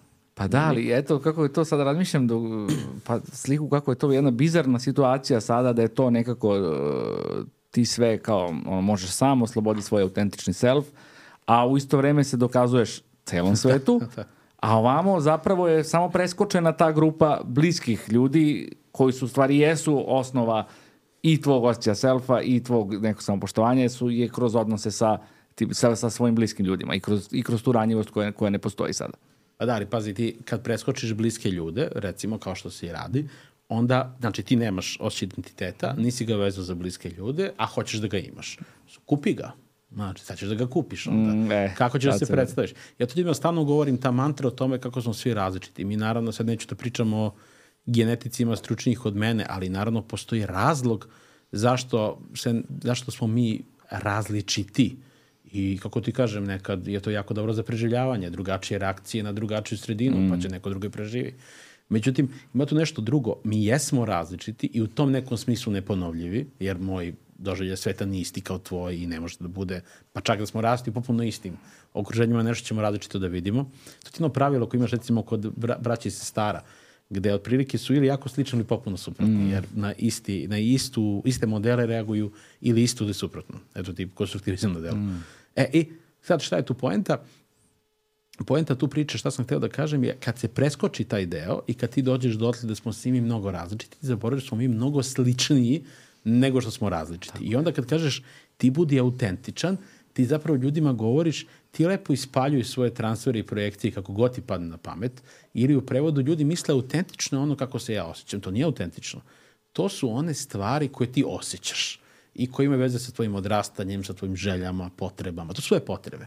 E sad, šta ćeš ti sa tim potrebama, to je drugo. Ali te potrebe su nastale u nekom okruženju kad si bio jako mali, nisi se za Boga rodio s tim potrebama. Pazi, neko se rodio sa autentičnom željom da bude profesor. Pa nemoj, mislim, ljudi, to je, Pazi, i, i onda imaš to kao autentične potrebe, autentični self, a onda kad neko kaže, evo ja autentično hoću da se skinem go i da šetam po knezu, a, pa to onda ne nije autentično. da, da. A gde je ta granica kada autentično postaje neautentično, znaš? I onda zapravo vidiš da autentično isto je jedna vrsta ideologije. Znaš, imaš autentično, to je ono što kultura podržava, postavi granice, brini o sebi, šta te briga za druge. Neautentično je da živiš za druge, da si srećan s tim ko si, šta imaš. A zapravo nije cilj života da ćutiš i trpiš jel? i da ti živiš samo za druge, odnosno živiš svoje igre iz detinjstva, ne zapravo za druge, nego odigravaš ja ću budem dobar, vi ćete mi vratite. A nije ni rešenje ja ću da postavim granice da vas šutnem iz života, nego postaviš zdrave granice i kažeš ljudi ovo sam ja, ovo hoću, ovo neću. Ja se uvijek setim onoga što ovaj naš pesnik govori, Matija Bečković, hoću kad budem mlađi. To mi je baš bila česta poštapalica. Znači, neke stvari ću da uradim kad budem mlađi. Tako da u tom smislu reči, sasvim je okej da neke stvari nećeš, sasvim je okej da neke stvari ne želiš, sasvim je okej da neke stvari nećeš da promeniš. Naravno, to ima svoje konsekvence, prihvatiš te konsekvence i živiš sa tim. E sad, to što mi hoćemo, ono, imaš sad i ovaj novi izraz FOMA, znaš, šta, mislim, novi, nije novi, ovde je novi. I sad, znaš, ono kao, to je strah od toga da ćeš nešto da propustiš. A to je, pogledaj koliko je to, koliko, koliko je to jedna kultura, narod ćeš da propustiš, sve ćeš da propustiš, jer postoji čitav segment ljudske istorije koji postoji, Tako mnogo je. je veliki pre tebe i postojeće posle tebe.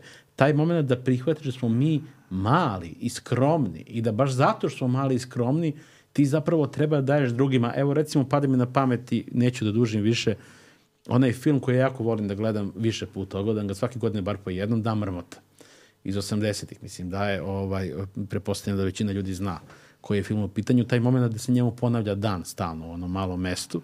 Zašto je taj film interesantan? Baš dobro prati od narcizma do skromnosti. Jedan put gde on dolazi sa tim, ja sam veliki reporter, vi ćete meni da ugađate, mene drugi ljudi ne interesuju, svi glupi i jeli, bez veze. A onda kako mu se ponavlja, dan on prolazi kroz sve one faze, hoće da se ubije, život nema smisla i tako dalje, da bi na kraju došao dotle, pa život je u stvari lep, on traje i svako jutro ću ustati i pomoći istom detetu, istom čoveku i uraditi iste stvari i ja ću zbog toga biti bolji čovek. I bit ću srećniji, jer je sreća u sadejstvu sa drugima, a ne bez drugih ljudi. Pa da, ovaj, dobro, da, ja sam, na primjer, Dan Mrvota isto kao klinac gledao, mada mislim da je iz 90-ih, Iz 93. moguće, možda, da. iz 93. da, ovaj, Uh, jeste u stvari zapravo njegov stav jeste taj u početku kako vrlo arogantan i to i kako, kako, kako se ovo meni dešava i zašto se baš meni dešava i jeste i to kaže do nivoa očajanja. A opet uh, koliko je to, eto, koliko je to ne znam kako da sad kažem, koliko god je ta premisa, mislim, ono, neverovatna da neko proživlja isti dan, koliko je moguće da čak i u tome nađeš neku lepotu. To. I da se vratim, evo, već sam pomenuo taj About Time film, a on ima baš još jednu ovaj, stvar koja je ovaj, prikladna za ovo, to je u tom filmu kao ovaj glavni muški lik ima nasleđuje po muškoj liniji da može da se vraća kroz vreme i da proživljava ponovo određene ovaj, uh, događaje, uđe u orman i eto, kad izađe, bira koji je dan kad izađe i onda moj otac rekao da je on našao formulu srećan život, a to je da svaki život živi dva puta, kao jedan put kako ide i drugi put kako bi voleo, a onda ovaj glavni lik kaže ja sam odešao korak dalje i ne vraćam se uopšte kroz vreme. I svaki dan živim tako kako jeste, sa svim tim što, što on donosi. Gledao sam film, to je jedan od boljih filmova koji je snimljen, zapravo, na, na, ako baš egzistencijalan, klasičan yes. LF film. Yes. I taj kraj filma je možda nešto i najbolje snimljeno na tu temu, jer zapravo ti kad pogledaš, taj, zapravo taj moment, uh, da je cilj života ne žaliti za stvarima, nego uživati dok mhm. traje. A to je ono, dok traje vožnja, dok je tu, tu smo, vozimo se, živimo, radimo, trudimo se da budemo u trenutku, dešavaće se ovako i onakve stvari. Niko od nas ne može da bude robot, mogu da se deše, dese užasne stvari. Samo je stvar u tome da čovjek shvati da je to deo života. I tuga je deo života, i očajanje je deo života, i muka je deo života, i znaš, kao što je uh, ta priča autentičnosti zamaglila nešto što je jako važno, a to izgradi sebe, pa kad izgradiš sebe i kad odabereš šta ti želiš da budeš i sa kim to želiš da budeš, ko su ti ljudi, u kom kontekstu, onda će ti biti jasno i šta nećeš da budeš. I bit ćeš ok sa svim ti stvarima koje nećeš. Ne treba tebi mm. nekakav narativ autentičnosti da bi ti imao pravo da drugim ljudima kažeš da ti nešto ne rade. Dovoljno da ti odlučiš. To je popuno u redu. Ne mora niko da podrži tu odluku treba podržati oni koji su ti bliski. To je cela pojenta. Ljudi koji su ti vredni u nekom kontekstu koji ti je vredan. E to negde, znaš, se zaboravlja, a u suštini život je vredan samo onda kad odabiraš stvari. I gomora ljudi, recimo, dolazi na terapiju sa tom pričom, želim da odaberem stvari, a ne mogu. Kako da znam ko je ispravna? Ja se uvek setim neke moje klijentkinje koje sam jednom prilikom rekao da život podrazumeva i nošenje sa problemima i mukom i da nije baš svaka muka trauma, i da ona, da moramo da radimo o tome da ona izabere neke stvari koje neće biti lake, jer kad nešto izabereš, nešto drugo izgubiš, onda ona meni kaže, ja, ti to hoćeš da mi kaže da ti želiš da se ja mučim. ja rekao, ne, ja mislim da je važno razvijati toleranciju na frustraciju, svi se mi nekad mučimo i ja i nisu sve moje odluke dobre i nisu svi moji problemi rešeni. To je takođe jedna stvar kod toga kao terapeuti su savršeni jest, ljudi. Jest. Oni moraju da budu savršeno pametni, savršeno lepi, savršeno svemogući. Oni su sve probleme rešili, reci mi terapeute, mistični, kako ja da rešim, da, kako da živim i tako da. I onda, znaš, imaš to kao kad kažeš nekome pa moraš da probaš pa da vidiš, onda oni kažu molim, kako ti hoćeš sad da ja patim, da ja napravim pogrešnu odluku, da, da ne znam, izgubim, da ovo, da ono. I onda mi je došla na sledeću seansu, mislim, ona je ovako super i ona hoće da radi, ali sećam se kada što ja sam rekla prijateljima šta sam mi rekao, oni su rekli sti lud.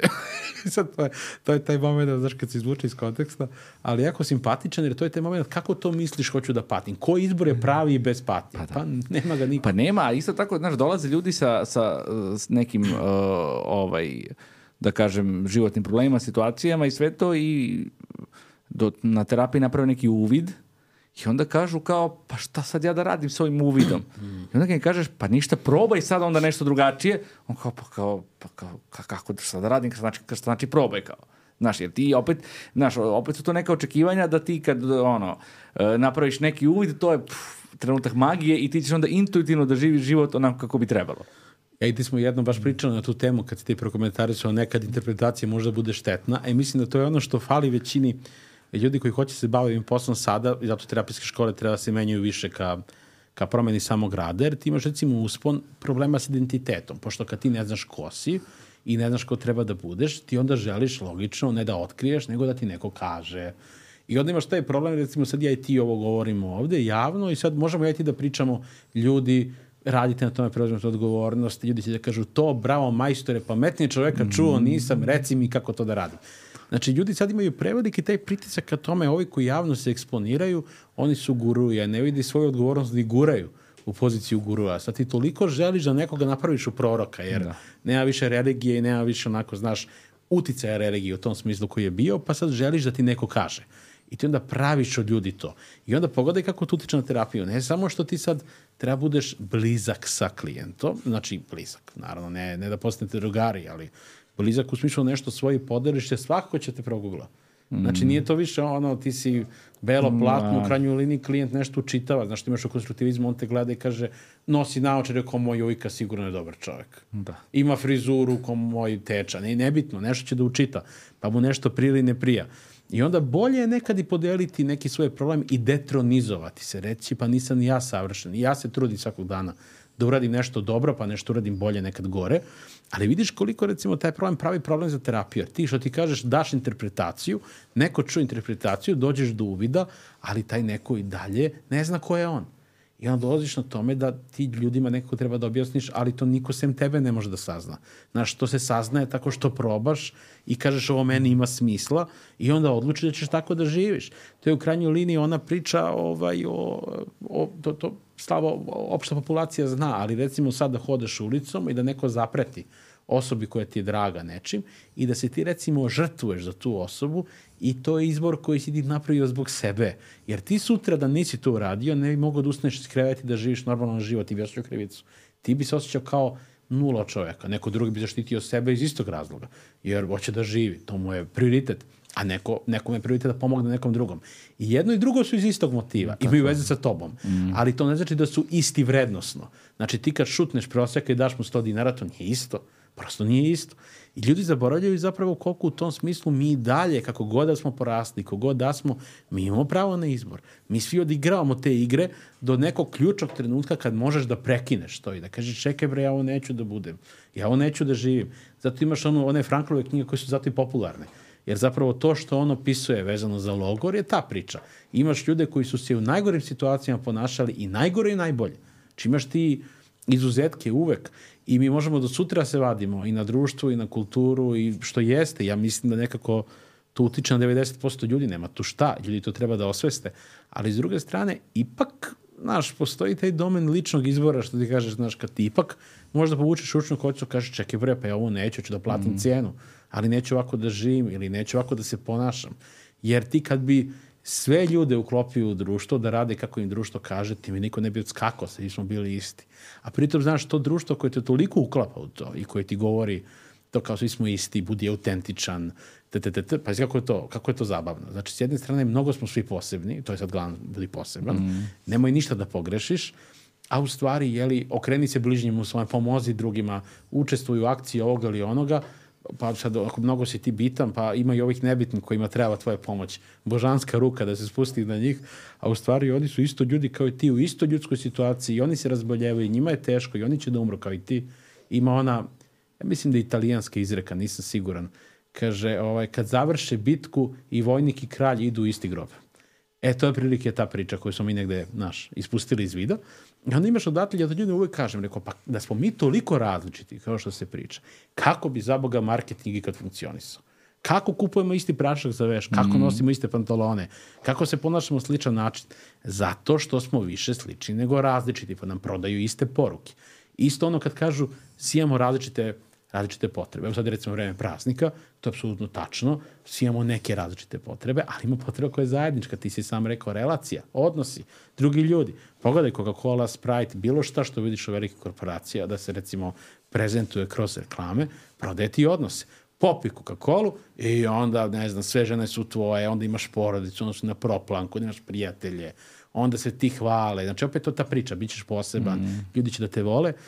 I onda ljudi negde ispuste iz vida da zapravo dok jure sve ostale stvari u životu često izgube ljude koji su im zapravo bili bliski i koji su ih zapravo mm. voleli u tom smislu reči ne ono volim sve što si ti, bezuslovno te prihvatam, nego brinem o tebi. Čak i kad se ne slažem sa tobom. Mm. Čak i kad mislim da grešiš, ja i dalje brinem jesi li dobro, jesi li jeo, jesi li pio, jesi spavao, ja mogu da ti pomognem, mogu da se ne slažem s tvojim životnim izborima, ali te volim jer si mi drag. E, to je ljubav. Ali to je toliko redko sad, znaš, da ta, to kao volim da iako se ne slažemo i kao mi možemo da budemo, mogu da budemo u odnosu s tom iako sam ljut na tebe, znaš. A ovde kao, znaš, kao da je zbog te potrebe za savršenstvom pa savršenim odnosom, onda je kao, e, ako se sad ljutimo jedno na drugom, pa mu to onda nije taj, to nije ono kao na filmu, znaš, to nije I ako mi ide na živce, na primjer, zbog neke osobine, ako meni devojka ide na živce zbog nekih stvari koje radi, to možda nije ono što, jer, kao kažem, na filmu nije tako, pazi, znaš, nema, nema ide na živce, nego sve je stalno, ono, stalno sve cveta, stalno su leptirići, stalno je bajno. Jeste, i onda kad, kad je nekome teško, ti ga ostaviš, jer, pa da. znaš, ideš ti kod nekog drugog, jedne, ti, ti zaslužuješ bolje. Jel? Što kažem, opet da, da ne odemo u drugu krajnost, ne mislim ja sad onako trpi bilo šta, Bože sačuvaj. Ja ne mislim da ljubav treba bude trpljenje. Ja mislim da ljubav mora da bude i trpljenje. To pogotovo vidiš kad imaš recimo decu, tu ne, mislim, to je jedan kroz jedan, dete ne poznaje koncept druge osobe kad je jako malo, znači tu nema, kako to misliš nećeš da trpiš, mislim, dete hoće tri ujutru da jede, mislim, to, to nije to, to da, jasno, da, da. tvoji potreba tu nema, da. e, ali to ljudi, znaš, isto, može da se desi, zato je lakše ići kroz život, ne, ne, ne, ne mislim samo u partnerskom smislu, nego čak da imaš prijatelja, lakše ići kroz život sa ljudima, znači jer pošto delimo istu ljudsku situaciju, lakše ti da se povežeš, nekome je teško, neko se razboli, Sutra ćeš možda ti da se razboliš, tebi će da bude teško. Neko će da bude tu zbog tebe, ti ćeš da budeš sutra tu zbog nekog drugog. Ljudi to zaboravljaju da uvek smo mi, mi smo evoluirali kroz zajednicu za ime Boga. Nismo evoluirali kao pojedinci. Niko ovde nije stigao tako što se rodi autentičan, nego tako što je kroz zajednicu, evo, na primjer, naučili smo da ispoljavamo emocije. Znaš, ljudi misle, tuga, pa nije, moja i tvoja tuga nužno ista. Ona je slična, ali mi možemo da ispoljavamo na kulturološki sličan način. Recimo, mi se o konstruktivizmu dosta time bavimo. Ti imaš, recimo, kultura u svetu da se popuno drugačije ispoljavaju emocije. Ima čak i nekih emocija koji kod nas nema. I obrnuto mi imamo neke koje jeste, oni pa nemaju. Jeste, to imamo u je, je, raznim jezicima koji imaju različite reči i osjećanja koje su neka neprevodiva na drugi jezik, jer su Ali pazi, pa to je logično, tvoja granica sveta sve je tvoj jezik. Ti ako ne možeš da osmisliš tu neku emociju, ti je ne primećuješ da je tu. Ti imaš mm. neki oset, telo možda, tu je negde. Znaš, ono kad kažeš šta je starije, da li misl ili emocija, oset, telo je starije, telo je mm. najstarije, to ti je ono kad smo bili bebe. Ali znaš, taj moment da, da se ti recimo, da ti recimo probaš da razumeš, da, da, da, da recimo se staviš u tuđu poziciju, to ima veze s tim da ti izgradiš sebe. Recimo, ja vidim da si ti tužan ili ti vidiš da sam ja tužan, pa onda daš neku toplu reč podrške, ne znajući možda razlog zašto je to tako. Ali opet ostavljajući da ja recimo imam prostor da ispričam ili prostor da ne ispričam.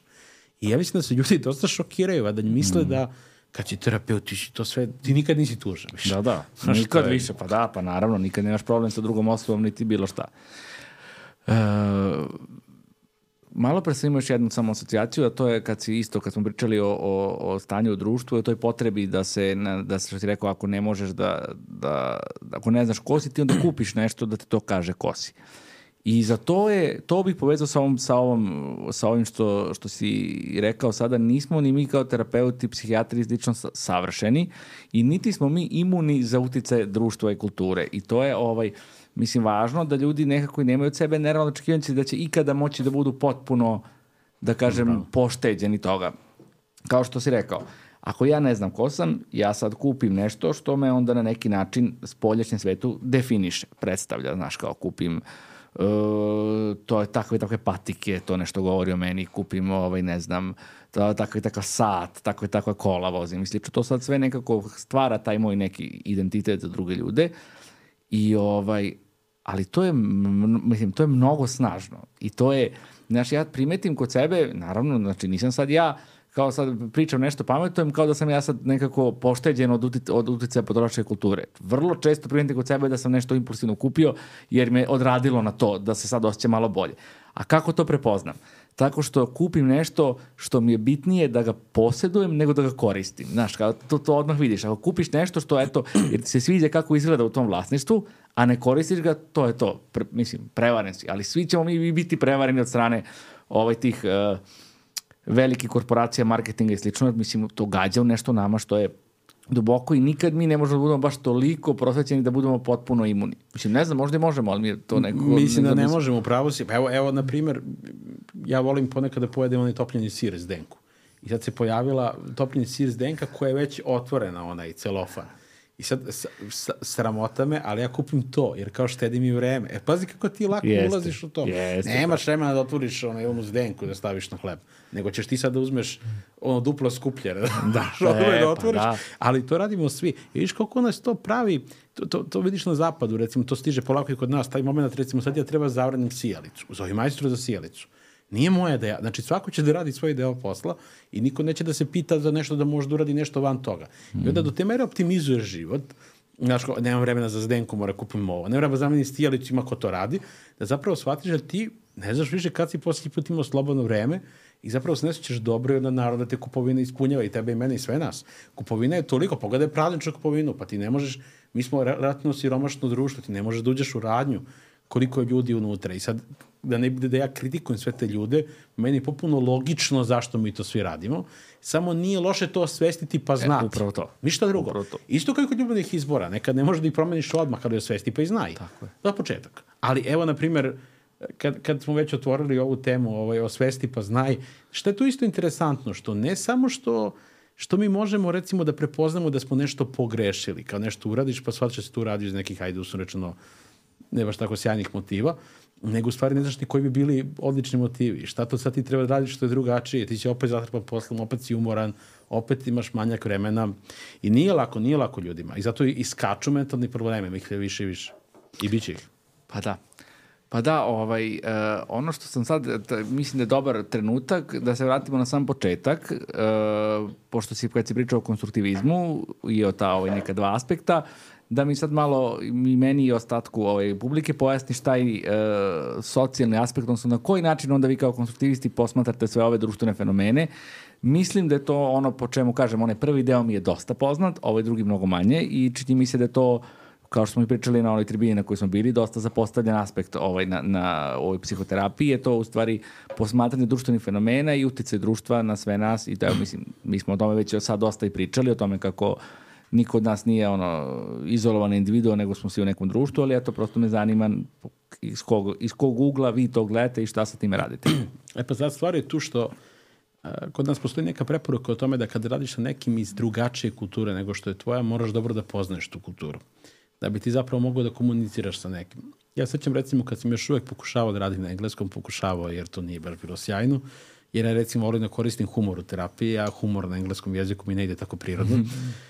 između ostalog i sećam se da sam naleteo recimo na ljude iz različitih kultura, pa je bilo recimo ljudi iz Saudijske Arabije koji recimo popuno drugačije izražavaju emocije, kojima je neka mhm. vrsta bliskosti dodira na javnom mestu, čak i prema detetu popuno neprihvatljiva stvar.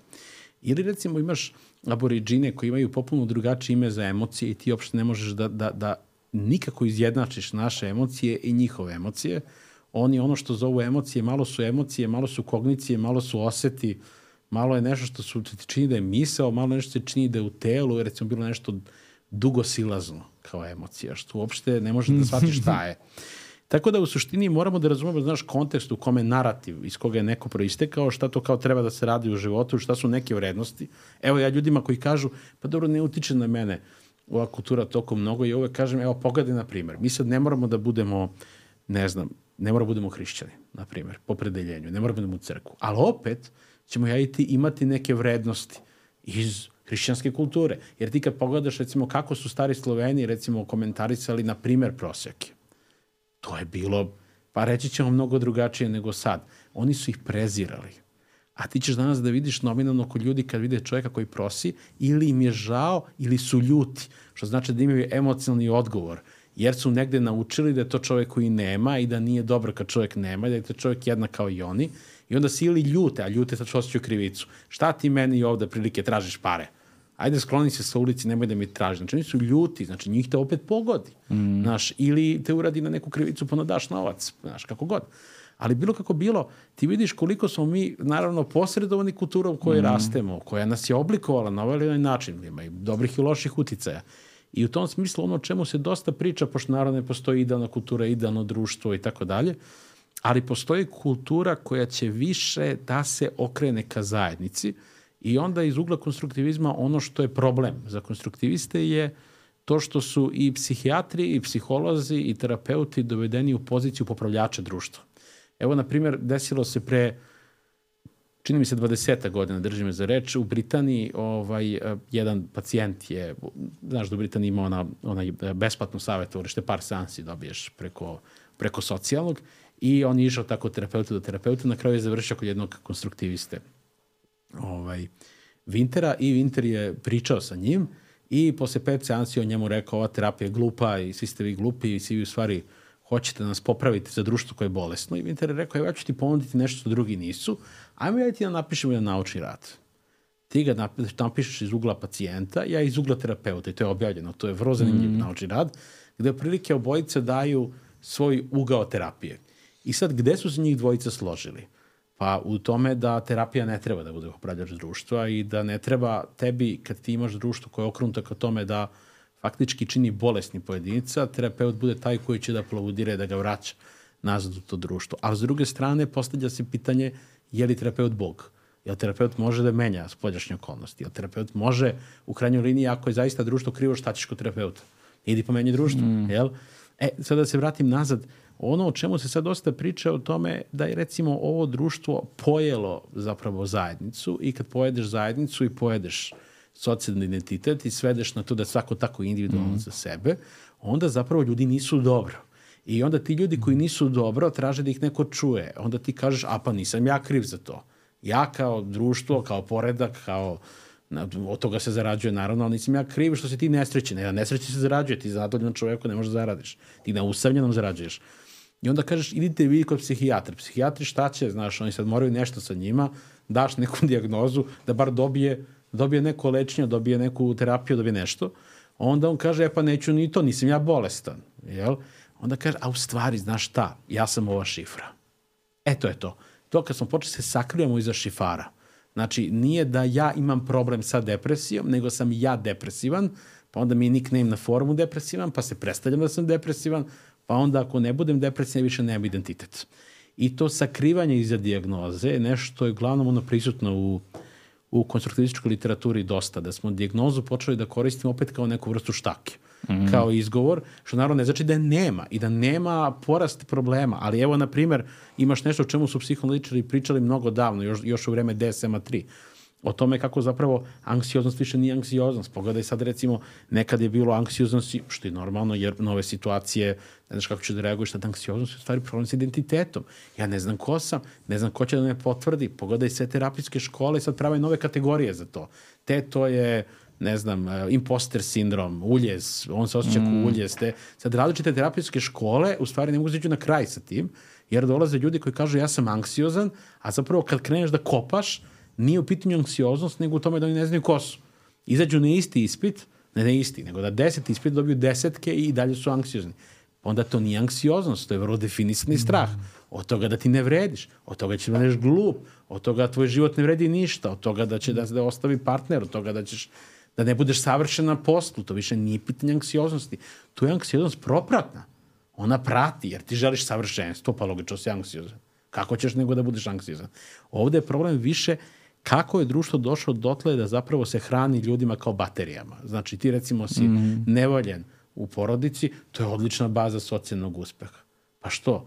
Pa što? Pa mogli smo da budemo nešto drugo, ne da se bavimo ovim poslom. Mm. I sad znaš, samo je stvar u tome što u jednom trenutku to primetiš i kažeš, aj sad ručna kočnica, povlačim, stanem, nažalost neki ne primete, i ono društvo dođe i kaže, evo ti 2000 evra, 3000, 4000 evra plata, ti kaže, još to mi je dobro. Ako od kuće loše, zdravlje ti propada, odnosi ti propadaju, mm. nezadovoljan si, nije ti dobro, i onda šta ćeš, dobit ćeš neku diagnozu. A u stvari, nijednog trenutka se ne zapitaš da li zapravo, i sad ovaj, ti baš, što kaže jedan konstruktivista, proglasit će nas za teoretičare zavere. Znaš, da li zapravo mi ovde treba pričamo o tome da ovo društvo se gradi, kapital se gradi na tome da ti budeš nesrećan. Tu imaš u filozofiji kao kritičku teoriju društva, koja je jako popularna, bila bar, u Americi jedno vreme, to je ta priča o tome kako zapravo društvo tebe oblikuje takvog da ti zapravo takav budeš nezadovoljan, udaljen od drugih i atomizovan. Znači ti kad imaš zajednicu, ljudi koji misle da su svi posebni, a ne vide da su po tome isti, svi hoće da budu autentični i ne vide da su i po tome isti, Svi se plaše smrti, svi se plaše da ne ispadnu loše, a svi misle da samo oni toga plaše. Mm. Ovaj drugi se toga ne plaši, oni su nesposobni za, za bilo kakvu kolektivnu akciju. I to ne misli kao za pobunu. Oni su bre nesposobni da se nađu na kafi, oni su nesposobni da razgovaraju, mm. oni su nesposobni da pričaju o problemima, ne, ne, nesposobni da budu bliski. Eto, to se dešava. I onda iz ugla konstruktivizma zapravo se svaka kultura u kojoj radiš mora obrađivati sa te pozitivne, uslovno negativne strane, odnosno šta je moglo da utiče na povećanje problema. Recimo, ja baš volim da držim grupnu terapiju, mislim da to je jedna jako lekovita stvar danas posebno, za ljude koji imaju problem sa samopoštovanjem, jer zapravo to je to, da oni vide, čekaj, pa i ovaj se muči sa tim, pa i njemu je teško. Onda ti nekako bude lakše kad vidiš da je neko drugi, znaš. Nego, problem iz ugla konstruktivizma je ne samo što treba da poznaješ kako smo naučili da recimo, na primer, ispoljavamo emocije, nego kako smo naučili da ih odigravamo. Kako se ja ponašam kad sam tužan kako ja komuniciram kad sam tužan, kako ja komuniciram kad sam srećan, šta je to društveno dozvoljeno. I ti kad stvarno čitaš sve ono, ti se onda shvatiš da ti stvarno jesi produkt društva. I onda kad neko dođe i kaže ti budi autentičan, ti možeš samo se nasmeješ tome. Jer to zapravo ne može da postoji. E, isto tako, odgovor na ovo je uvek gledaš iz ugla konstruktivizma, pošto je sve bipolarno i sve ili ili, šta to ovo društvo isključuje? Bol, starost, muku, loše zdravlje, lošu sreću, to isključujemo. To gledamo kao da se dešava mm. nekim tamo ljudima. To se ne dešava nama. Takve stvari, ne, ne, ne tiču se nas. Imaš onu poruku, budi u svom malom svetu, zatvori se u svoj mali svet, šta te briga otprilike, šta drugi rade, nek svako radi svoje.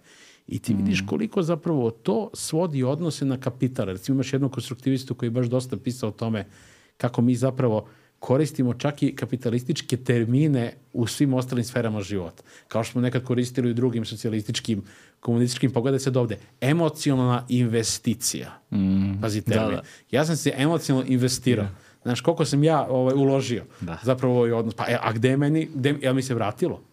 E sad, gde je meni menica, znaš, sad, kako sam ja sa u banku lože par. Znači, mi smo počeli, pa sad termin partner, pa znaš, I isto ti je ne samo s partnerskim odnosom, pogledaj sa prijateljima, a se tebi isplati mm. da budeš u tom odnosu. A tebi to, ja uvijek kažem ljudima, zamislite neko ono, pra, praiskonsko doba u vreme prvih onih ljudskih zajednica, zaleđeno je sve, beže dvoje ljudi i upadne nekom noga kroz led i on kaže, pomozi prijatelju, druže, e, izvini, meni se to sad ne isplati. Znaš, mislim, mi smo evoluirali kao grupa baš zato što ne možeš da preživiš bez drugih ljudi. To je ono kod Margaret Mead koja mm nažalost puno kontroverze oko nje, ali jedna od boljih stvari koje je rekla i napisala jeste taj moment da civilizacija počinje baš tamo gde si video zalečenu kost. Znači, neko je brinuo nekome, neko ga je hranio, a taj neko nije mogao da lovi, nije mogao da hoda, neko ga je nosio. Što znači neko se brinuo, e, to je ljubav. Mm. Neko se brinuo o nekome kad taj nije mogao da se brine o sebi. E mi to gubimo. I na ti kad to izgubiš, imaš problem. Tako da iz ugla konstruktivizma ti ne postojiš van zajednice. Ti možda postojiš unutar neke druge zajednice, to je popuno u redu. Ti možeš da se, imam ja prijatelja koji živi, koji živi sam, onako bez ljudi, ali on je, kako ti kažem, u zajednici svojim knjigama, sa svojim likovima, sa nekim idejama u glavi, on je vrlo produktivan. Znači, on jeste sam, ali on nije usamljen. A ovo je poplava usamljenosti, kao ona knjiga Sami zajedno. Zajedno smo, u stvari smo sami. I onda tu imaš taj problem o kome se dosta piše u konstruktivizmu, do duše istini za volju pisalo se i u psihoanalizi o toj narcističkoj kulturi koja stiže o tome ja pa ja, drugi su isključeni. Mm. E tako ovdje ima dosta o tome kako zapravo ta priča o društvu koje jede pojedinca, baš tako što mu govori da je pojedinac. zapravo onda mu govori ti si različit, ti si tako drugačiji. Mm. Nikad nije postojao čovjek kao što si ti i time mu zapravo ukida mogućnost da on zapravo odlučuje da on prihvati odgovornost i da on zapravo bude kreativan i da izvrši individuaciju, ono što imaš kod Junga recimo, da, da ja otkud znam, sadio sam cveće, to je moje, to sam uradio. Ja se uvijek setim mog prijatelja, on je ovaj, oženio kineskinju. Koliko on bio šokiran, razliku, ra, razlika je enormna u kulturama. Sad naravno imaju tu i onih stvari koji su mu se dopale, koji su mu se manje dopale, ali čisto pomenem jednom koje je meni baš zazvučalo interesantno, šta mu je ovaj, poželeo tast Kaže, želim ti da se u životu ostvariš u što više uloga. I to ga je baš negde dodirno, mm. onda shvatio zašto oni ne govore toliko sreći kao mi. Budi srećan, budi srećan. Ne budeš srećan, ostvari se kroz više uloga.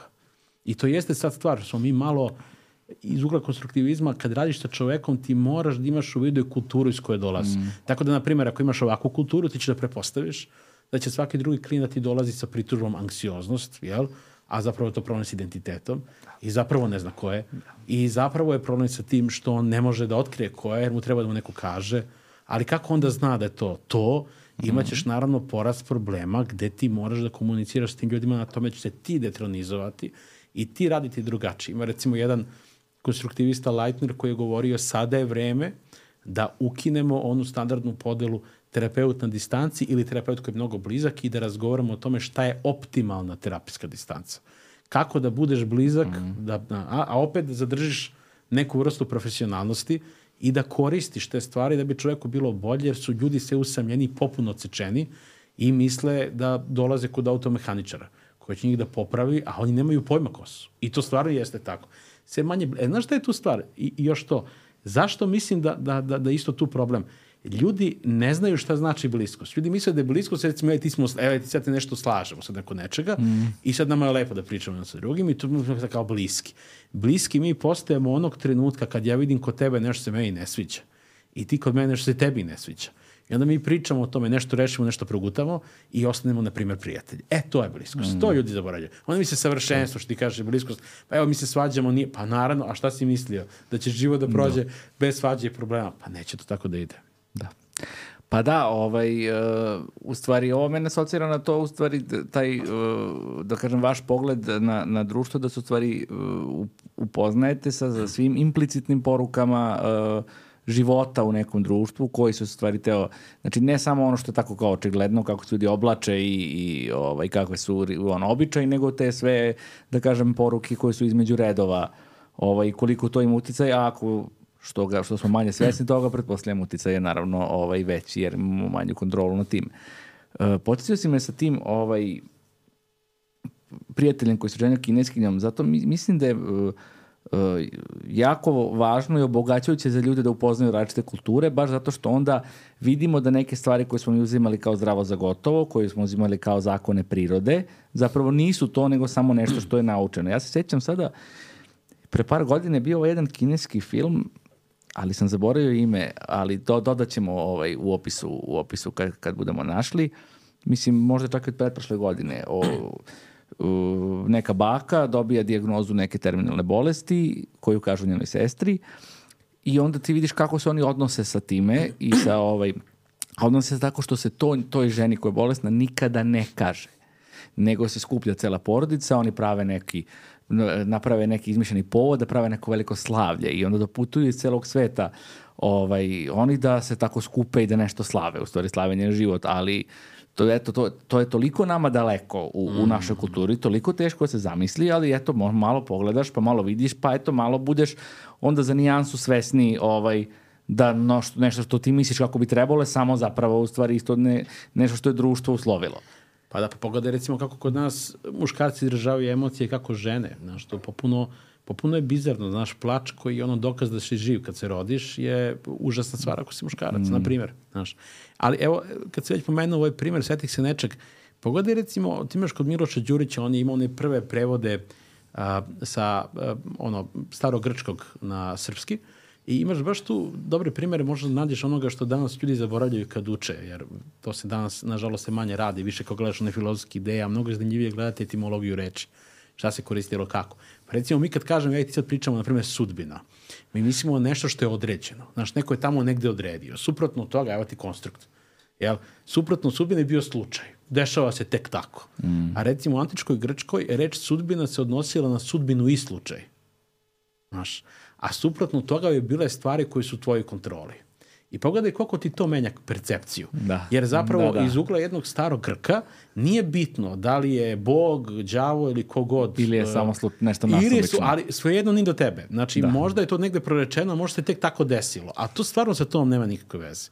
I sad ti samo treba da naučiš da živiš sa ovim stvarima koje su pod tvojom kontrolom, a ne ovim drugim. Vidiš koliko jedna mala reč zapravo da je potpuno menja percepciju. A mi ovde pričamo, aha, ako je slučajno, a kako je slučajno, a mogu ja to da predupredim, a mogu ja nekako da uradim nešto sa tim. Star Grip si rekao i naroda ne. Kako za Boga može da kontroliše mm. slučaj? Znaš, to je popuno... Da. I, i, I uopšte vidiš kako, na primjer, određene takve stvari, recimo ti popuno odrede kako se, kako vidiš određene pojave. Ili recimo, ne znam, ti, evo čak i u Srbiji, da ne pričamo van, ti imaš ovde od dela do dela Srbije različite običaje, što se tiče, ne znam, slava sahrana i tu se vide recimo neke razlike, kako ko neko vidi recimo mm -hmm. život, smrt, pa na primer u, moj otac je meni recimo stalno pričao, kaže svako treba da ide na sahrane, to je sad nešto što je njemu stiglo iz mm -hmm. ono njegovog odrastanja, znači svaki pravi čovek treba da na sahranu, čak i da si ovlaš poznao čoveka, na sahranu se ide da vidiš smrt sve nas čeka i da se na vreme suočiš sa tim. Koliko je to recimo strano u odnosu recimo na ovo da nas sakri dete, da ne ode na sahranu, da ne vidi muku, da ne vidi ovo, da ne vidi ono. Tako da, Znaš, zašto u konstruktivizmu nema reči u nagonima, ne zato što iza Boga nema, naravno da znamo da ih ima, nego zato što, što ti kažeš, kad ti kažeš ovo je prirodno, ti više ne znaš da je to prirodno Jeste. ili si ti u to učitao Tako. gomilu kulturoške pretpostavke. Imali smo slučaj sa baš nekom našom koleginicom pre, čini mi se, 15 godina, možda i manje, ne mogu da se setim, izgubila je majku za koju je bila jako vezana. Otišla u Ameriku i nosila je crninu. Ovaj, mama je, to je bila mamina želja, mama je bila dosta konzervativna, i ta naša koleginica je bila konstruktivistkinja, tako da, znaš, nosila je više zbog majke da ispunje jednu želju nego nešto drugo. Sve u svemu, svi su i savjetovali u firmi, javi se psihijatru. Prošlo je već dve nedelje, a ovo je sad već depresija, znaš. I onda se ubila da objašnjava ljudi, pa kod na 40 dana, pa cen, kakvi 40 dana, dve nedelje, znaš. Što reči jedan konstruktivista, ko je odredio te dve nedelje? Tako je. Ja mogu tri, četiri, pet, jedna. Kako smo to sad našli da je baš dve za depresiju? Mm. Češ, vrlo opasno tu kad se priča o ovome, jer s jedne strane kao da, kao E, e, bojim se da zapravo zato što mi, znači neko ko se bavi ovom strukom, ne kritikuje društvo u nekim domenima i ne govori o problemima svoje profesije, mi dajemo municiju ljudima mm. koji onda prosipaju teorije zavere po Jest. internetu i onda prosipaju svašta, a zapravo smo dobrim delom mi odgovorni, jer mi ćutimo na neke stvari i mi ovako zatvaramo oko i onda dajemo municiju da mi kažu, evo vidiš, jer ti stvarno kad pogledaš, na primjer, šta ti je postao kvalitetan naučni rad u poslednjih 10 godina, ima fantastičnih naučnih radova, ali oni koji su pri vrhu su oni koji su najviše citirani, koji mogu da budu potpuni krš od rada. Mm. Znaš, sa katastrofalnim istraživanjem, recimo, sa katastrofalnom metodologijom i da dođu do rezultata koje su toliko protivno zdravom razumu da sam naslov ti smeša. Znaš, mislim, imaš sad ovu poplavu ovih radova, recimo, um, gde se utvrđuje da tvoj roditeljski stil nema nikakvog utjecaja na to kako će karakter deteta da ispadne. Pa zamisli ja sad ostavim da. dete u Zvečanskoj i onda ispadne isto kao da je bilo kod mene. Pa znaš koliko je to? I naravno da ti kad uzmeš metodologiju ti vidiš zbog čega su došli do rezultata i kako je to loše rađeno i koliko loše rađeno i naravno imaš neki bolji rad koji to drugačije objašnjuje. Ali znaš, kad ti tako nekritički štitiš sve, usno rečeno, a ne vidiš da zapravo i mi smo stavljeni, i ja, i ti, Jer smo mi stavljeni u poziciju da branimo ovo. I ne samo u svom ličnom životu, nego ja treba da vičem ljudima da to što si anksiozan je samo do tebe. To nema nikakve veze mm. sa onim što se tebi dešava okolo, sa tim što smo svi izbombardovani porukama, budi savršen, sa tim što svi dolazite sa pričom hoću savršenu ljubav. To ste vi svi sami smislili. To je autentično vaše iz ime Boga. Svećam se kad mi koleginica pričala, radila u nekoj školi, pa im je dala da razmisle uh, ovaj, šta bi oni volili da budu u životu, ali da razmisliš šta bi zapravo oni voleli, a ne šta i mediji kažu. I onda su svi radovi bili isti.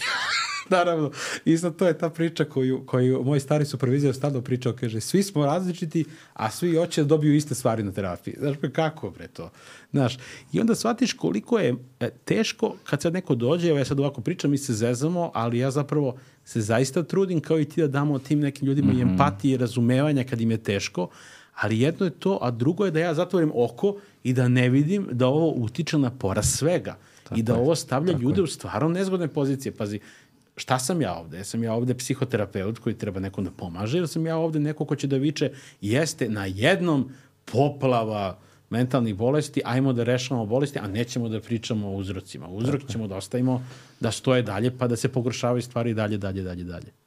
Pa tako je, to je sad sve više prisutnom nekom medikalizacijom i patologizacijom nekako uh, normalnih emocija, normalne patnje, normalnih reakcija na nepovoljne okolnosti. Mislim, nekako se sve manje, eto to pomenuo si to u Americi gde je sve nekako pravljeno da bude pragmatično, da bude pravljeno da bude efikasno i to je to dve nedelje i dosta i to je to jasna granica, tako je tako je i za ovo, znaš, kad god se nešto loše desi, postoji neko je odredio koliko ti tačno treba da platiš, a sve preko toga je uh, je previše i to kako, znaš, ta suluda očekivanja sada da ja, znači sad jako, eto, nekako, ovaj, uh, budim se, u, na primjer, u pet ujutru, putujem sat i vremena na poslu, tamo me maltretiraju, vređaju me, Daš. muče me, uh, primam neku jako lošu platu za koju me da preživljavam i sad ja ako sam toga tužan i ako se osjećam očajno, ja sam onda u depresiji, imam dijagnozu depresije kao bo bolesti. To je, mislim, onako malo suludo, zato što se, to ako izuzima se taj, ovaj, ta, ta neka uh, društvena pozadina koja nam u stvari kaže da Ako, a, mislim, to, to su takve priče postoje, ja sad nisam dao nešto što je, što je naučna fantastika, nego što, nažalost, jesu sudbine lju, ljudi koji žive na ovim prostorima, a i u celom svetu, to je da postoje nekada problemi koji su jednostavno toliki da nikakav vid psihoterapije, kogod mi bili briljantni sa terapeuti, ne možemo da baš tu napravimo čudo da, da čovjeku promenimo život. To, da, to je pričao Milutin ovaj, jedan put ovde, ne znam da je rekao u podcastu, ali je nama pričao još kad smo bili ovaj, mlađi, kao, pa kako očekuješ ako čovjek ide i nekog udara čekićem u glavu svakog dana da bude dobro raspoložen? Da, Znaš, naravno. Pa naravno. I sad je onda pitanje, znaš, šta raditi sa tim? Eto, mislim, mi kao pokušavamo malo da pričamo o tome, da nekako ovaj, uh, um, više stavljamo u taj neki, u etar, u javnost uh, probleme koje vidimo i kod društva, ne samo kod pojedinaca, što je kao ajde važno. Međutim, naravno, ovaj, ne znam kada ti misliš o tom, on ti nekim dometima našim, tu naravno su nam uspesi ovaj, skromni i na, kogod bismo volili, mi ne možemo sad da menjamo društvo, ali eto, kao, nadamo se da ćemo da bar malo podignemo svest o tome kako, kako šta jeste, mada je, mislim, moje viđenje te situacije da će samo kvalitetnim obrazovanjem zapravo da se da se nešto tu promeni i da se ovaj jer eto mislim ljudi ovaj više ne čitaju uh, vrlo je vrlo se slabije razvija ono moć kritičkog razmišljanja ili se nešto prihvata bezuslovno ili se nešto odbacuje bez ovaj razmišljanja zbog nekih isto tako naših prethodnih uverenja a kad bi se možda malo promislilo i kad bi se bilo spremni da se shvate neke možda i neprijatne istine, mislim da je to, eto, da je kroz, zapravo kroz obrazovanje je jedini put koji ja vidim da se malo podigne svest o tim problemima društva. A vidi, to je nekad bila ideja u filozofiji kada je došlo do onoga što se zove nihilizam, to ono što danas mm. živimo, to ti je ono, znaš, propast svih velikih vrednosti, svih velikih istina, znaš, nema više, ne znam, crkve da ti kaže, mm, to je ima ako si vernik, ali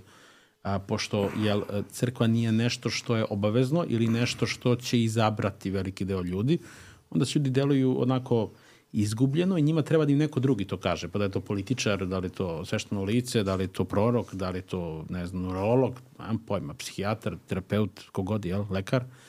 A, to što si pomenuo je ključna stvar. Vidiš, tamo se priča o autentičnosti, a ne priča se recimo o kritičkom mišljenju, znaš. Recimo o tome da ti treba da razvijaš to, da ti recimo umeš da misliš o stvarima, da čitaš, da razumeš sebe, da razumeš svet oko sebe. Znaš, ti imaš u antici ono, ovaj neistražen život ne vredi živeti, znaš, kao da vidiš zašto si takav. Ti si ovde samo jedan mali period trenutka pre tebe je bilo toliko ljudi, posle tebe će biti toliko ljudi, zar ne želiš da ne znam, nešto i doprineseš, ali i da nekako razumeš iz neke druge perspektive, ne samo da budeš zupčanik. Znaš, to je problem što ljudi ne vide da nije bitno šta god da radimo. Velika opasnost da umesto nas ovde na stolici može da sedi bilo ko drugi i da izgovara iste reči koje smo ja i ti izgovorili sad. To je opasnost. To je meni uvek opasnost koja mi stoji na dnu mozga. Da stalno treba da radiš na sebi baš zato da ne bi bio isti kao drugi. To što ja govorim ne, nema autentičnosti, ne mislim da ne treba ljudi da radi na tome da budu drugačiji. Nego drugačijost ne ide bez zajednice sa drugima. Tako da ja mislim da je domet podcasta recimo ovo konkretno veliki jer su ljudi počeli pričaju o ovome stano i da slušaju. Uh, ali sve ovo je jedna, kako ti kažem, ograničena stvar. Ne možeš ti da menjaš društvo koje ima takve parametre koje ima. Mm -hmm. Ne možeš ti da, ti možeš ovde, ali opet tako i u terapiji, ti pomogneš nekome, ok, uradio si veliku stvar za jednu osobu, doći ti deset na tu jednu i onda sad nekome ćeš da pomogneš više, nekome mm. manje, nekome nećeš uopšte. I onda vidiš koliko zapravo ti imaš ograničen domet, ok, to je nešto, nešto si kao radio, nešto si pomogao, ali postavlja se stvarno pitanje da li recimo ovoliki uh, uspon, evo, na primjer, psihopatije i narcizma više bre ima veze sa nama. Hoću da kažem, ja to nešto bre čime bi samo mi treba da se bavimo, bi trebao neko drugi da se bavi. Mm. Što sad stalno govorim kao, zašto, kako ovo ima manje empatije. Pa gde mi to promovišemo empatiju? Gde si ti mm. posljednji put čuo da se priča o prednostima empatije? Šta to i što u ovom društvu govori da, da se tebi isplati da budeš empatičan? Pošto da se vratimo na kapitalistički mm. rečnik, sve mora da se isplati. Yes. Pa samim tim, znaš, ne isplati mi se, treba bude nešto drugo od toga. I vidiš onda koliko te kritički misliš, što mene jako plaši, ta podela crno-belo, jer kada obrazovanje krene ide na dole, onda se ti svodiš na nivo životinja, onda ide ono ja sam u pravu, ti si u krivu kako ću ja da dokažem da sam u pravu, pa ubiću te. Ubiću te, jer ako te nema, onda ja ostanem da budem u pravu, znaš. I ti vidiš koliko ćemo mi da se vratimo na nivo, pogledaj recimo kakve su rasprave, pogledaj kako ljudi, uopšte sad ne govorim više na društvenim mrežama, govorim ovako, ključnici se pobiju, ljudi su, mm. prosto pogledaj koliko su besni kad uđu u prevoz, znači ti imaš jednu poplavu depresije prvo, koje više ne znaš ni čime je sve indukovana, ali najviše ovim što ljudi ne znaju ko su i ko treba da budu, a misle da su ovi ili oni uzroci njihovog nezadovoljstva. I onda, znaš, dođeš do da zapravo više ne možeš da razgovaraš sa nekim. Da i pogledaj, recimo, društvene mreže, tu više nema onoga ja učim od tebe, ti od mene, nego ja sam našao link koji potvrđuje sam ja u pravu, ti si našao da si ti, je. sad ćemo se pobijemo. Znaš, da vidimo ko, koji link je jači. Znaš, i onda ja štitim svoje, ti štitiš svoje, niko nije koga ne uči. I ja kad god mi pitaju kao koju knjigu preporučujete za popularnu psihologiju, self-help, ima ih stvarno dobrih, ima stvarno, ima onih i kompanion, takozvani, odnosno naš, i podrška kad imaš anksioznost, napade panike, ima i, ima i, evo, Štefani Štalova knjiga uopšte nije loša, ima tu stvari naravno s kojima se ne slažem, ali dalje su one vežbe dosta dobre. A koja je knjiga, ovaj, kako ime samo? Kako beše, uh, undrešnje dete, čini mi se Aha. nešto, potraži, nisam okay. sigurno uvijek zaboravim ime, ali Štefan Štal pa će naći. Ovaj, ali bilo kako, da, po, po, po, pomozi detetu sebi da pronađe svoj zavič. Evo, setih se. Aha, e, okay. Recimo, ok, ne bi se složio sa svim tamo što piše, pogotovo ako neke stvari vezano za to da neke stvari nije moguće promeniti, moguće, samo pitanje koliko ćeš da se investiraš. Ali, ovaj, ali o, stvarno su odlične vežbe. Dobro su za neko provežbavanje neke stvari iz detinstva. Međutim, ja umesto toga kažem ljudima, a da čitate malo klasike. Ne zato što sam mm. ja elitista, ne zato što Što, nego, tako gradiš kritičku misl, tako gradiš identitet. Oni ne vide da 90% njihovih problema mentalnih su iz problema identitet. Jer apropo tvoje priče o kulturi, onda kada je recimo religija izgubila svoju dominantnu ulogu, onda kada je sve izgubilo dominantnu ulogu, visoka kultura je trebalo da uleti. To je trebalo da se desi. To o da. čemu su filozofi pisali. Da kada dođe do nihilizma, do propasti svih vrednosti, tebi treba da uđe umetnost, tebi treba da uđe visoka književnost, tebi treba da uđe ljudi na koje se ti ugledaš, ne kao da su ti idoli, nego da ti inspirišu, da ti budeš bolji. A ono što se desilo je uletelo i zaglupljivanje mase, jer se na tome naravno odlično zaradilo. I onda se imaš rušenje visoke kulture i svođenje svega na popuni relativizam. Mm. Relativizam koji je bio jedan, jedan, kako ti kažem, jedna pojava koja je bila jako značajna znaš, za razvoj svega i svačega u filozofiji je došao do svog absurda, konačno, kao i sve ostalo, ostalo, jel? I došao do svog absurda je da je 2 i 2 možda bude 5, 2 i 2 mm. možda bude 10, možda bude i 20, da. a pošto svako ima pravo na mišljenje, Jest. onda što se ja mešam nekome da ga ispravljam da 2 i 2 nije 4. Može bude i 8. Tako je, pa sve je, sve je istina i ništa nije istina. E onda, tako. znaš, postaje se pitanje šta onda tu psihotično. Da, tako je. psihijatar, kako ćeš ti da razaznaš Jeste. nekoga, jer on samo ispoljava svoje autentično mišljenje, ili i on izgubio kontakt sa realnošću. Znaš, da, da, mislim, vrlo se onda tu granice onako mute, znaš. Uh, pa to je, eto, baš mi se sviđa to jer sam teo isto da, ovaj, nisam teo da završimo bez da pomenemo nešto vezano za ovaj, ta neka dela, kažeš, ovaj, čitate klasike i jeste, mislim, to je stvarno tako se, mislim, gradi identitet tako što, mislim, vidiš neke, ovaj, uh, kako je Freud lepo rekao, a to isto jedna kaže, ja nisam, nisam ja otkrio nesvesno, to su radili razni umetnici filozofi, ja sam otkrio način kako se sa njime radi ili izučava ili ne znam koja je formulacija tačno, ali, ali otprilike to, kako su nekada nam, ovaj, ne nekada, nego su umetnici od uvek znali uh, na možda najbolji način da nam govore o nekim ono, dubinama ljudskog iskustva i da nas uh, dirnu u to nešto što je univerzalno u svima nama. I, na primjer, uzmeš i ovaj, uh, ne znam, ja obožavam film Taksistu sa Denirom, mm. koji je to jedno isto egzistencialistički film u suštini. A i onda kao pročitaš i kao vidiš kao je pa neko pre, pre 50 godina napravio film, a ja dosta rezonujem sa njim ovaj, i dalje, ovaj, naravno neću da poludim i da krenem da ubijam ljude, ali mislim, znaš, vidiš neke sentimente, onda, na primjer, pročitaš od Dostojevskog zapisa iz podzemlja i kažeš, e pa to je ovo isto u stvari.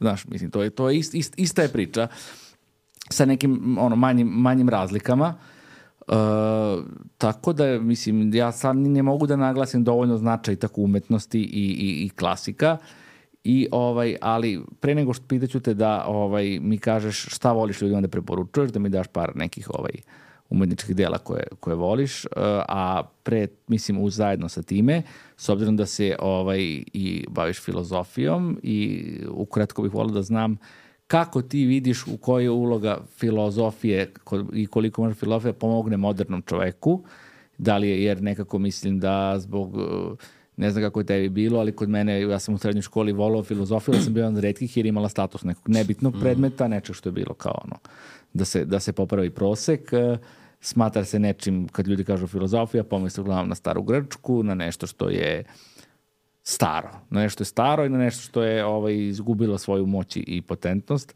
Pa me zanima, eto šta misliš ti, koli, da li filozofija mesta u, ovaj, kod savremenog čoveka i da li imaju neka dela iz filozofije koju preporučaš ljudima koja su, da kažem, relativno laka za čitanje za neko ko nije baš u, u toj struci da mu bude možda, pre, da ne bude preteško za početak.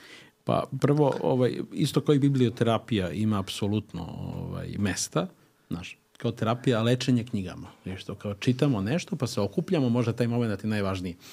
Okuplja se recimo neka grupa i onda recimo diskut o nekoj knjizi i kako je ta knjiga recimo njih promenila. Sad je bilo na kongresu terapeuta Srbije jedna koleginica iz Bosne je održala, nisam bio na radionici, preneli su mi utiske, pošto sam ja držao svoje isto vreme, ovaj, a radionica je bilo Ani Karenjini, gde ona igrala Anu Karenjinu i o tome kako bismo mi koji bi dijagnozu naravno danas dali i ljude je baš dirnula ta radionica i kao šta se sve dešavalo Ani Karenjini, šta je danas moglo se desiti Ani Karenjini, šta Ana Karenjina može, a šta Ana Karenjina ne može.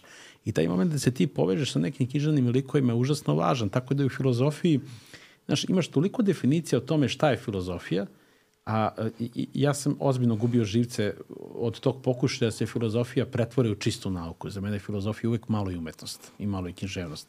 Pa isto, I isto momenta... i za, a za nije za psihoterapiju isto? isto, isto, apsolutno, pa zato sam i odabrao psihoterapiju, zato što ovo nije i ne može biti egzaktna nauka. Znam da neće da se sve kolege slože sa mnom, mm. ali da citiram jednog našeg poznatog ovaj, psihijatra ovaj, Ivana Ilića, tu samo i gubimo u tom pokušaju da se uspostavimo. Mm. Ne možeš ti odnos da kvantifikuješ, ne možeš da meriš nešto što je pitanje trenutnog momenta u odnosu. Ne možeš nesvesno da uhvatiš. To ti kao kad radaju neučni rad pa kažu pa ne postoji taj splitting, mi ga nigde nismo videli. Mm. Niko nije imao ti posvedoče tome. E, tako i sa filozofijom. Filozofija je vrsta veštine, isto kao i psihoterapija. To je veština i, i, i s nekim ćeš da uspeš, s nekim ne, ali veština razgovora sa ljudima, veština da se poklopiš, recimo, sad kad si pričao recimo neki film koji je snimljen mnogo davno, pa rezonuje se o tome, neka knjiga koja je napisana mnogo davno. Zato što postoje te vrednosti zajednice i te ljudske vrednosti koje su neprolazne. Odnosno toga što ti ne možeš da opstaneš u zajednicu koji nema empatije. Mislim, to su vukovi, to nisu ljudi. Znači ti onda se povezuješ sa drugim ljudima jer oni imaju isto iskustvo egzistencijalno. Tako da ja ljudima recimo čak i češće preporučujem nešto filozofsko. Ja volim one dve definicije filozofije koje sam naučio čitajući razne ovaj, na fakultetu. Jedna je bila Hegelova da je filozofija svoje vreme iskazana u mislima. To mi se mnogo dopalo jer mi je baš tada osvestilo kao po upravo je stvarno. Filozofija je svoje vreme, ne mislim na individualno vreme, nego filozofija je svoja kultura, svoje mm. vrednosti koje si video, s kojima si porastao, koje sad izrazio mislima. Vrlo redko ko može da pobegne iz svog vremena i svoje kulture. Ti kad čitaš antički filozof, oni ti govore o antici. Isto kao što i naši filozofi, nažalost, govore o ovom sad. Mm. E, I ona druga koja mi se jako sviđa, ova, isto antička, i ona mi je van vremenska filozofija, dok ne pobedimo smrt. Filozofija je veština umiranja. I ako bih zbog nečega se vratio i ponovo upisao isti smer, iako je dosta drugačiji nego kad sam ga ja tad studirao, ovaj, samo bih zbog toga. Jer ako mi je nešto donela ta filozofija, to je gomila promišljenja o smrti. Mm. I ja znam da je to ovaj, popuno kontra, onako intuitivno, kad kažeš onako, pobedio sam strah od smrti, nisam, naravno, svi se mi plašimo od smrti do nekog momenta, a samo je stvar da mi se drastično smanjio. To je to što sam ga osvestio, evo kao i ovo. Da, da. Ti kad osvestiš gde živiš, ti živiš drugačije. E, onog momenta kad sam osvestio strah od smrti i kad sam osvestio šta smrt jeste kao jedna vrsta poslednje granice, počeo sam da živim jako kvalitetnije, jer ti kad se nosiš sa strahom od smrti, koji de facto može se desiti sada, ujutru ja ili ti ne moramo da se probudimo sutra. To je teška misla, je tačno. Evo sad, sad, se, sad se zezamo ili ne zezamo ili pričamo, mm. znaš, pružit ću ti ruku i ko znam da ćemo se ikad videti, ja bih volao da se vidimo, ali nije da ja i ti imamo popuno kontrolu nad tim. E to kad držiš u glavi, ti onda kreneš zapravo da živiš smislen život. Ljudi uvijek pitaju kako naći smisao, eto tako. Zamislit ćeš da umreš za mesec dana, šta bi radio tih mesec dana? Šta bi promenio? E pa to što bi promenio, to je ono što treba da živiš. Naravno, mislim, ne mislim sad grubo, ajde oteraj sve, sve ljude dođevola, ali mm. zapitaj se koji bi život imao veće veze sa tobom. I to se puno puta ljudima desi kad se recimo razbole, to si možda i viđao, kad se razbole pa prežive, dobiju recimo neki oblik kancera, pa prežive da popuno promene način mm. života, da nekako popuno drugačije postaje prioritete. Na jednom da. znaju gde ima identitet i čija, čija potvrda im da. vredi, čim ne vredi. Tako da ako je nešto dobiti iz filozofije, to je to. Taj pomen ti na kraju dana kažeš, Znaš šta je u stvari tu? Evo, sad sam se setio nečega. Skoro su mi neki edukanti sa konstruktivizma, pošto to prepostavljam da ti negde jasno, jako široka teorija, ima svašta napisano, I onda kažu, ovo nisam razumeo, ovo nisam razumeo, rekao, dobro, ima i stvari koje ja ne razumem. Mislim, ja sam im naravno objasnio šta je to i onda sam im rekao, ali imajte u vidu, ima stvari koje ja ne razumem i to je normalno. I neću ih nikad razumeti do kraja, previše stvari je napisano i previše stvari može da se čita iz različitog ugla. To je cela poenta kritičke misli. Da nikad nećeš doći do te istine jer je zapravo nema. Mm. Znaš, da je to samo interpretacija. Oni kažu, dobro, kako onda da znamo šta je ispravno? I onda sam se zapravo shvatio, evo sad opet pričamo o identitetu, ali sam shvatio ako je jedna dobit filozofije, to je to. Ti imaš toliko filozofa i toliko filozofija sa svih meridijana. Ti prvo ne možeš za života da stigneš sve da ih pročitaš, Tako. čak ni u skraćenoj verziji. Ti toliko, ti kod svakog ćeš naći nešto čime ćeš se složiti i ne složiti. I kad sve to završiš, ti onda dođeš dotle da kažeš, pa dobro, narod neće sve da razumem. I to ti nekako olakša život. Nećeš doći do završene filozofije, nećeš doći do završenog odgovora. Nama je, sećam se, profesor na prvoj godini rekao, ako ste došli ovde da biste našli nekakvu istinu, ispišite se odmah. Ostaćete samo sa još više pitanja. Mm. Eto, ako je nešto korist od toga, to je. A šta volim da preporučujem, ja prvo volim da pričam filozofske priče. Naravno, kod klijenata koji mislim da, znaš, imaju afiniteta kod tome ili mogu to da nekako shvate iz tog nekog ugla, pa da im to bude korisno. Ako je nekorisno, neću ni ja da pričam. Ali evo, recimo, skoro sam baš ovaj, pričao nekom klijentu, pokrenula se tema smrti nekoga kome je bližnji, pa sam mu ja rekao, vidiš, a to, to stvarno mislim da je vam vremenska stvar. Imaš kod Epikura, eto Epikurejci, kad je, kad je to bilo? Jel, epikurijski pokret još vreme antike, imaš kod Epikura tu priču, kaže, ljudi ne bi trebalo da se plaše smrti, jer se smrt njima nikada neće desiti. Smrt se dešava samo drugim ljudima. Smrt se ne dešava nama. Smrt se dešava našoj mami, tati, partnerima, prijateljima, drugim ljudima. Nama se ne dešava, jer nama kad se desi, mi nećemo biti tu da je vidimo. Desit će se drugima. Smrt je mm. teška drugim ljudima koji ostaju, koji te pamte, koji te vole. Nije teška tebi. Tebi je teška samo misao smrti. I to je meni stvarno bilo onako trežnjujuće. Tu za razliku recimo egzistencijalne perspektive samo ti umireš, samo ti možeš da umreš. Ovo je bilo popuno da. drugačije. Kao pa ne da. u stvari ti umireš drugima. Ti ne umireš sebi. Ti umireš drugima kao neko ko je važan. Oni ostaju sa rupom, oni ostaju sa tugom zbog tebe ali tebe više nema. Mm. Ima ona čuvena Epikurova kada on kaže ne znam šta se dešava posle smrti, da li je to definitivno kraj ili ne, ali čak i da nije, to više neće biti ti. Sve ono što si ti bio je umrlo sad sa tobom.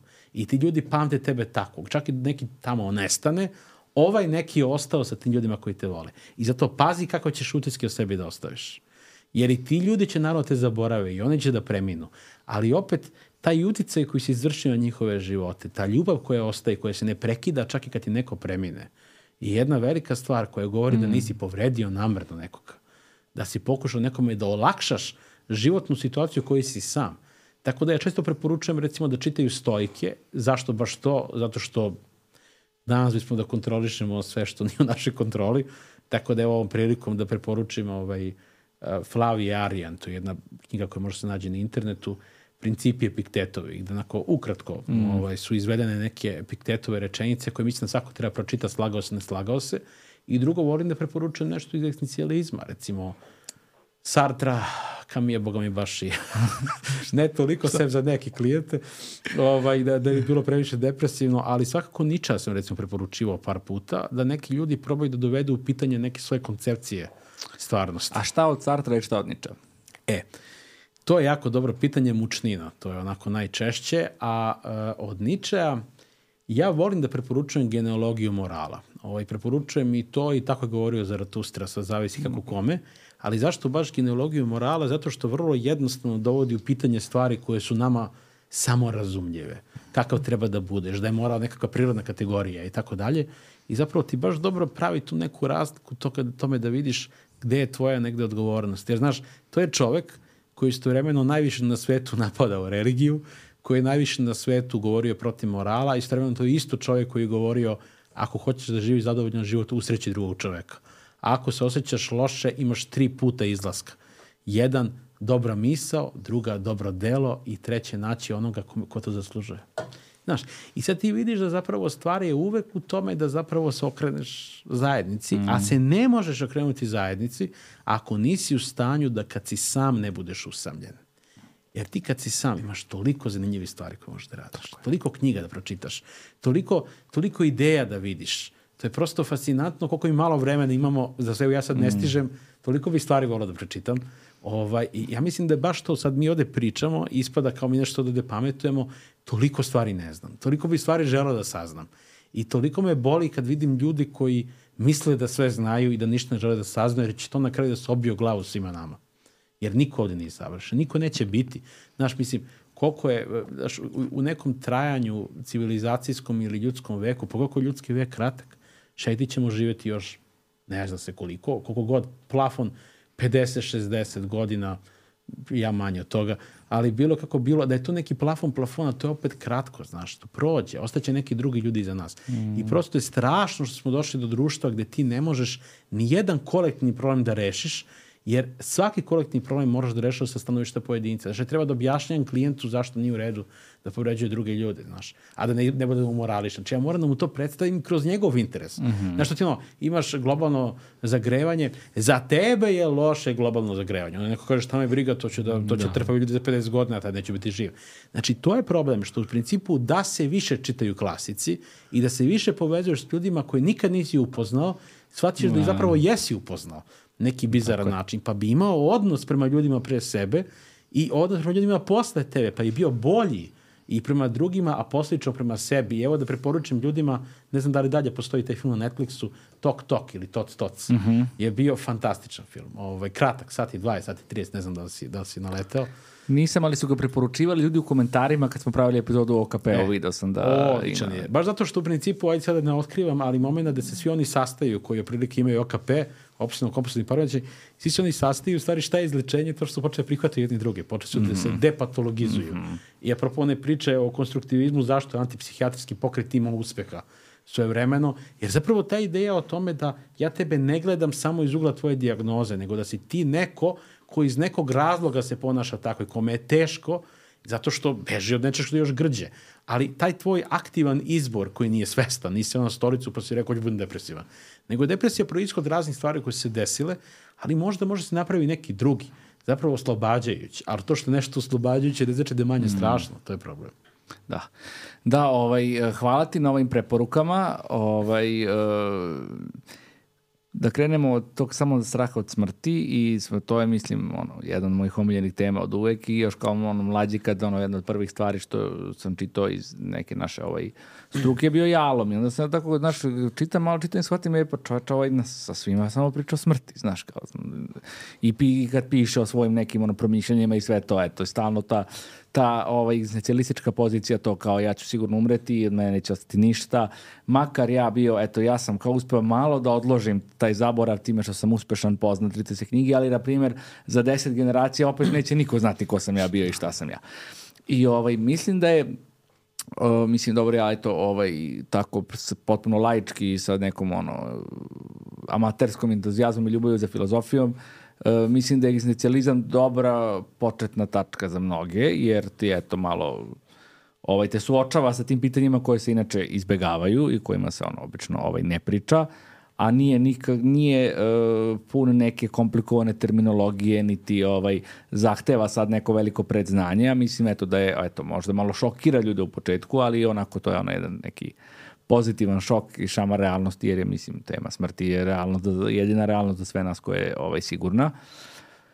Pomenuo si stojke koje ja ne volim nešto, iako im dajem svoju vrednost, ali mislim da su oni već prilično prisutni. I mislim mm. da sam jako favorizuju baš zato što nude neka praktična rešenja i oni jesu u skladu sa ovom zapadnom kulturom kakva jeste. Oni se više zloupotrebljavaju, to jeste, nešto drugo. Jeste, jeste, ovaj, i, ali tako u stvari upravo si, zapravo to nije, ali mislim da su neko prisutni u, yes, u, yes, u, u yes, yes.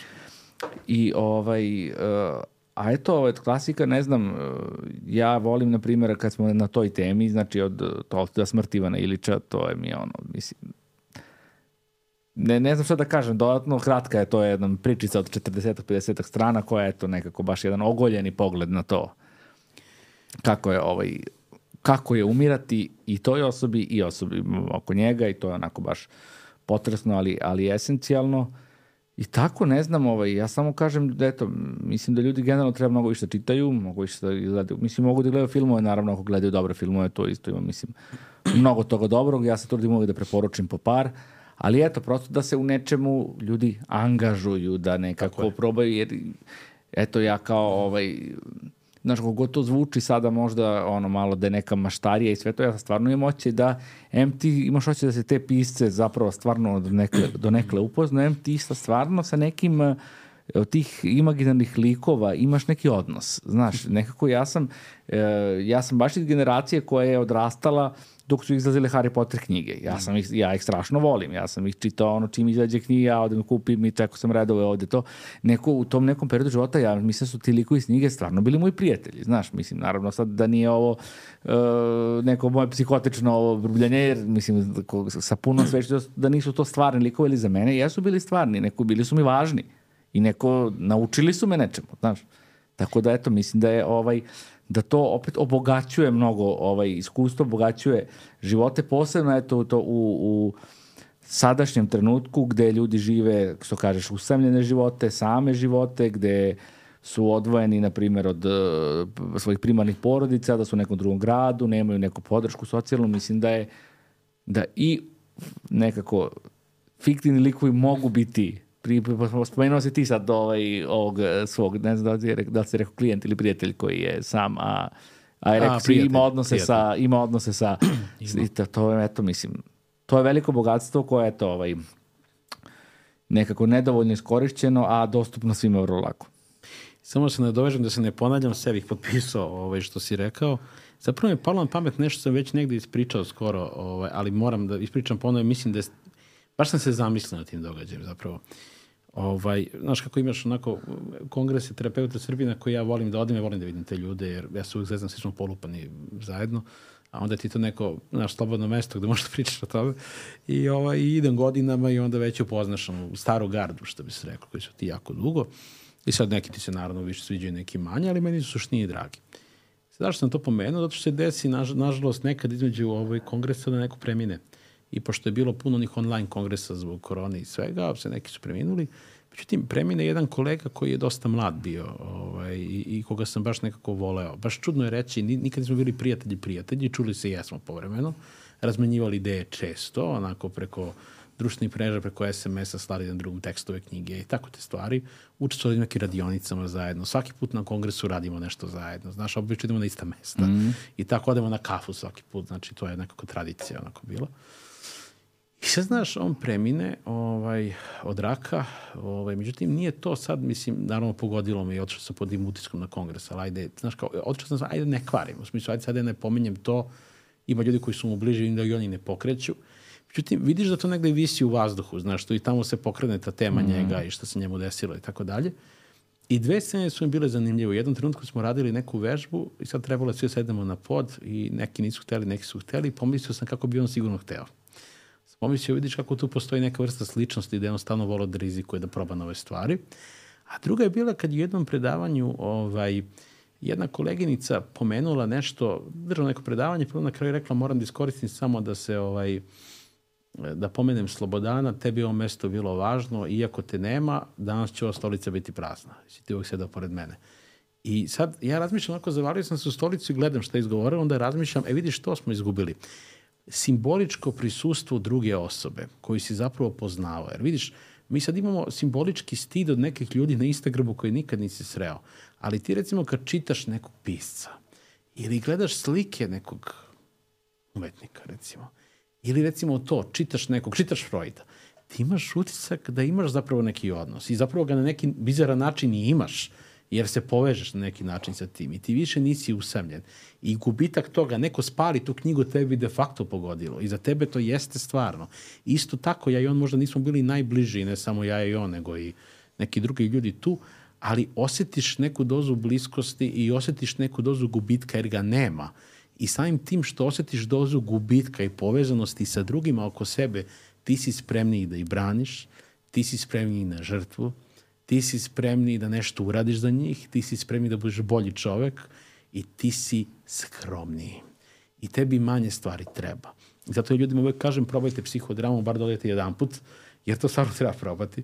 Taj moment, to je, to je što reče da moj ovaj, edukant kutija za transfer. Znači, sediš tamo i prilike svi sad nešto, nešto svoje tu rade, a na kraju shvatiš da smo svi to više isti nego različiti i povežu se ljudi. Neko će priča strašno iskustvo drugi se nadovežu i onda ljudi počnu da plaču. jedan put da ti prvi put plačeš pred nekim ljudima koje ne znaš, a osjećaš kao da ih znaš. Tako da, ovo što si pomenuo, samo sam htio da se nadovežem negde koliko smo to negde izgubili i koliko je to problem. I sad će tebi doći, razumeš, na posao meni ili tebi neko, a zapravo traže ljude. Ne mislim traže bilo koga, imaš ti ljude svuda, ali znaš, ovaj, tražiš nekoga sa kim ćeš zapravo se povežeš, nekoga da te čuje, nekoga da te razume. Recimo, pogledaj koliko je pogotovo kod muške populacije kod nas mm. prikrivena depresija pod besom. Mm. Svi besni, stvari depresivni, svi, znaš, nezadovoljni. Više, sad ima hiljadu jedan razlog od socijalnih, pa ratovi, pa problemi, pa problemi narativa, kulture, mm. pa jedna kultura zamenila drugu, pa sad ne mogu da se snađu. Ja imam recimo rođaka koji je koji je onako, znaš, jedan stariji čovek koji ne može da shvati ovo što se dešava uopšte, on je odrastao neko drugo vreme, kad se drugačije živalo i to je sad, znaš, vrlo teško objasniti nekome, to više nije tako, tvoj kopšija više neće da se javi na ulici. Znaš, ljudi da. neće ti pomogu da čistiš sneg. I tako te neke stvari. Tako da, apropo knjiga, uh, interesantno je, evo recimo da uzmeš da čitaš Mešu Selimovića, čak i onu koja je bila za lektiru, ne znam da li dalje, Derviš i smrt. Mm. Znači, pogledaj ti koliko ti može da rezonuješ sa Dervišem koliko ti možeš se ubaciš u problem tog čoveka koji ne zna šta da izabere. Da li da izabere jednog sebe ili drugog sebe, svoju veru i ono šta je on, ili svog brata koga voli najviše na svetu.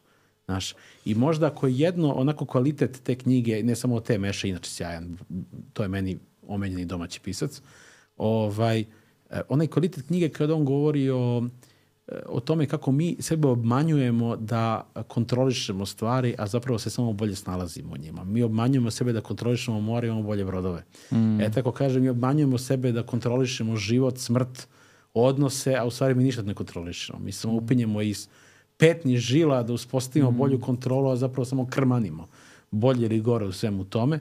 Isto ti sa stojicima. Stojici su toliko, recimo, duboki kad ih čitaš a s druge strane toliko zloupotrebljenih danas da bi se održala jedna onako, se budi jak, izdrži, nemoj, nemoj ti slučajno nešto da, da se žališ, nego ti to nesreća, nemoj da prepoznaš nesreću, gura i dalje, trpaj se u sebe dok, mm. dok ne implodiraš.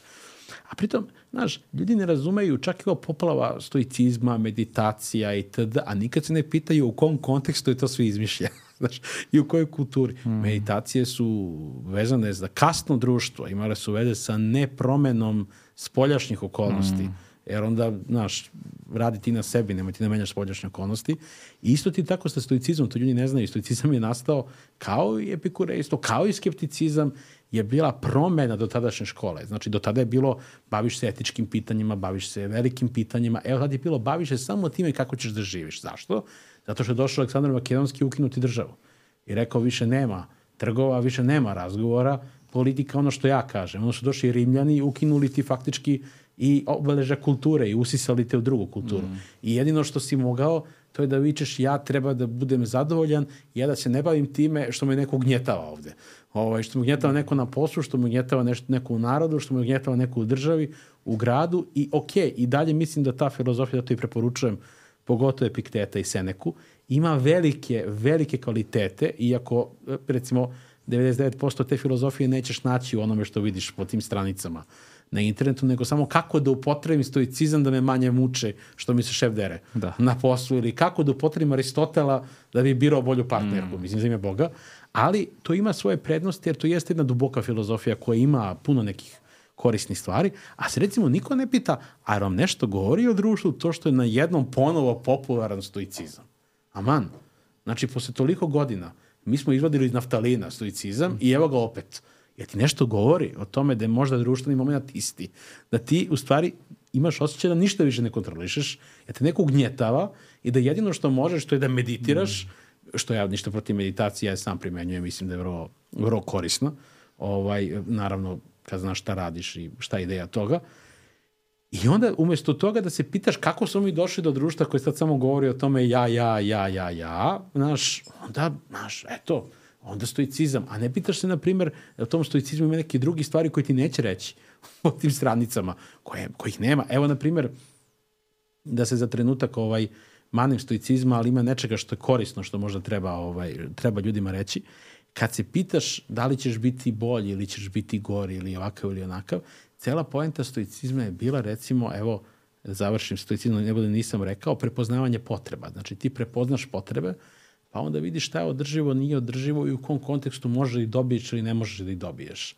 A nije poenta stoicizma bila ovo ne možeš da kontrolišeš, to nije do tebe, sad ti to lepo ovako šutni iz sistema i to više ne postoji. To je prvo što sam teo da kažem i drugo što sam teo da kažem je pogledaj recimo koliko taj moment ja pa ja pa ja, kao sve, sve do mene, koliko je to guranje jednog vrlo opasnog mm. narativa. Uh, znaš zašto sam odabrao konstruktivizam? Iz dva razloga. Prvi nije bilo egzistencijalizma tad, iako bi je drago da kraju što sam odabrao konstruktivizam, pa sam te kasnije završio i egzistencijalizam. Drugi je zato što sam naletao na jedan Kellyjev tekst, sasvim slučajno, i zove se In whom do we confide, u koga se, u koga, kome se poveravamo. Ja sad čitam taj tekst i kažem, wow, ovo je baš dobro. E sad zašto? Šta je bila osnovna premisa teksta? Osnovna premisa teksta je da zapravo imaš dve osnovne ono, poteze iz koje krećeš kad si dete. Znaš, jedno je ono, ja sam žrtva, ne mogu ništa, drugi treba da me spasu, a drugo je ja mogu sve. Znaš, mama i tata se svađuju jer sam ja izazvao i šta god. I kaže, vidiš kako ova kultura glorifikuje ovo drugo, a ti ne vidiš da ga glorifikuje i de facto te pravi bolesnim zbog toga. I to više nije samo psihološki, nego i društveni problem. To me prvo zamislio. Jer kao, ok, viš zanimljivo, jer to jeste to, kao ja mogu sve, sve je do mene, samo veruj i promenit će se. To veze nema, to čak ne veze ni sa stoicizmom koga toliko mm. koriste. A drugo, što je mnogo interesantnije možda, kad govori o tome, kaže, stano se govori, deca su zavisna, a odrasli su nezavisni. Kaže, to je laž. Ni jedni ni drugi nisu nezavisni. Čak su na neki način deca malo, malo manje zavisna, jer mogu da se igraju sa svetom. Oni, znaš, ono, što stolica ne leti, što avion nije stolica, što nema dva nogara, što ovo ovako. Ti kad porasteš, ti se više i ne pitaš. Ti uzimaš zdravo za gotovo stvari koji su nas, znaš, onako, to ti je tako, ovo treba bude ovako, ovako, ovo se radi i ovde i onde. I onda to staviš kao neku prirodnu podelu. Prirodno je da patiš po fakulteta, recimo. Koji fakultet, kakav prirodni fakultet ima već sa životom. I onda to njegovo da zapravo kad odrastaš ti ne vidiš koliko si zavistan od jezika, od institucija, od kulture, od narativa, od priča o tebi koji su ti pričali. Evo, moja drugarica treba da se porodi, ona je napravila ne samo ime i kako će devojčica da izgleda koju će školu da ide. Mislim, I sad ti posle kažeš, pogledaj ti koliko je recimo već, već neki narativ nametnut. Pa ova mala šta će nam mora da, mora da upadne u to. I sad ko je to za nju odabrao? Pa mama, jel? Mama i tata. E, i u tom smislu vidiš koliko je to zanimljivo, jer zapravo ta njegova hipoteza o tome da zapravo kad odrastaš ti si još zavisniji od drugih i da onda ljudi koji to ne prepoznaju postaju nezadovoljni. Jer zapravo ne vidi da su zavisni za podršku, za ljubav, za tajne, za svašta nešto i da treba da rade na tome da budu samostalniji. Znači ono što nisi mogao kao dete. Sad možeš da kontrolišeš svoje telesne procese, pa možeš da platiš račune, možeš da budeš sam, ali ti jesi zavisno od drugih. I vrlo opasna kultura koja ti govori da nisi. Mene je to kupilo za konstruktivizam. Mm. Ja kad sam to pročitao, pomislio sam da, ok, ovaj tip ima, ima pojma o čemu priča, Jer zapravo kakav, kakav bre nezavistan pojedinac? Pa ubiš nas nezavisni pojedinci. Znaš, jaki muškarci, jake žene, jaki ovi, mm. jaki oni, ok, naravno u redu, ali kako ste uspeli da izjednačite slabost i ranjivost? Eto, to bih možda na kraju rekao, jer nije da. isto, ok, da budeš mm. ranjen, izbog toga manje slab. Jeste, ovaj, uh, baš si sad ovo lepo zakružio i mislim da je ovaj to nekako ovaj adekvatna poruka za kraj ovog našeg razgovora da smo ovaj uh, najviše sadržavali na temama identiteta i na temi to i neke naše međuzavisnosti i da je to, iako nećemo da budemo gurui koji ćemo da, da dajemo neke poruke i praktične savete, da je to moje, moje mišljenja, verujem da se slažeš da ako bismo volili da gledalci izvuku neku poruku, to je da to da su nam drugi ljudi potrebni i da su, eto, ovaj, redko kad ćemo naći nešto što je za nas lekovitije i nešto što je za nas bolje nego drug, što su drugi ljudi.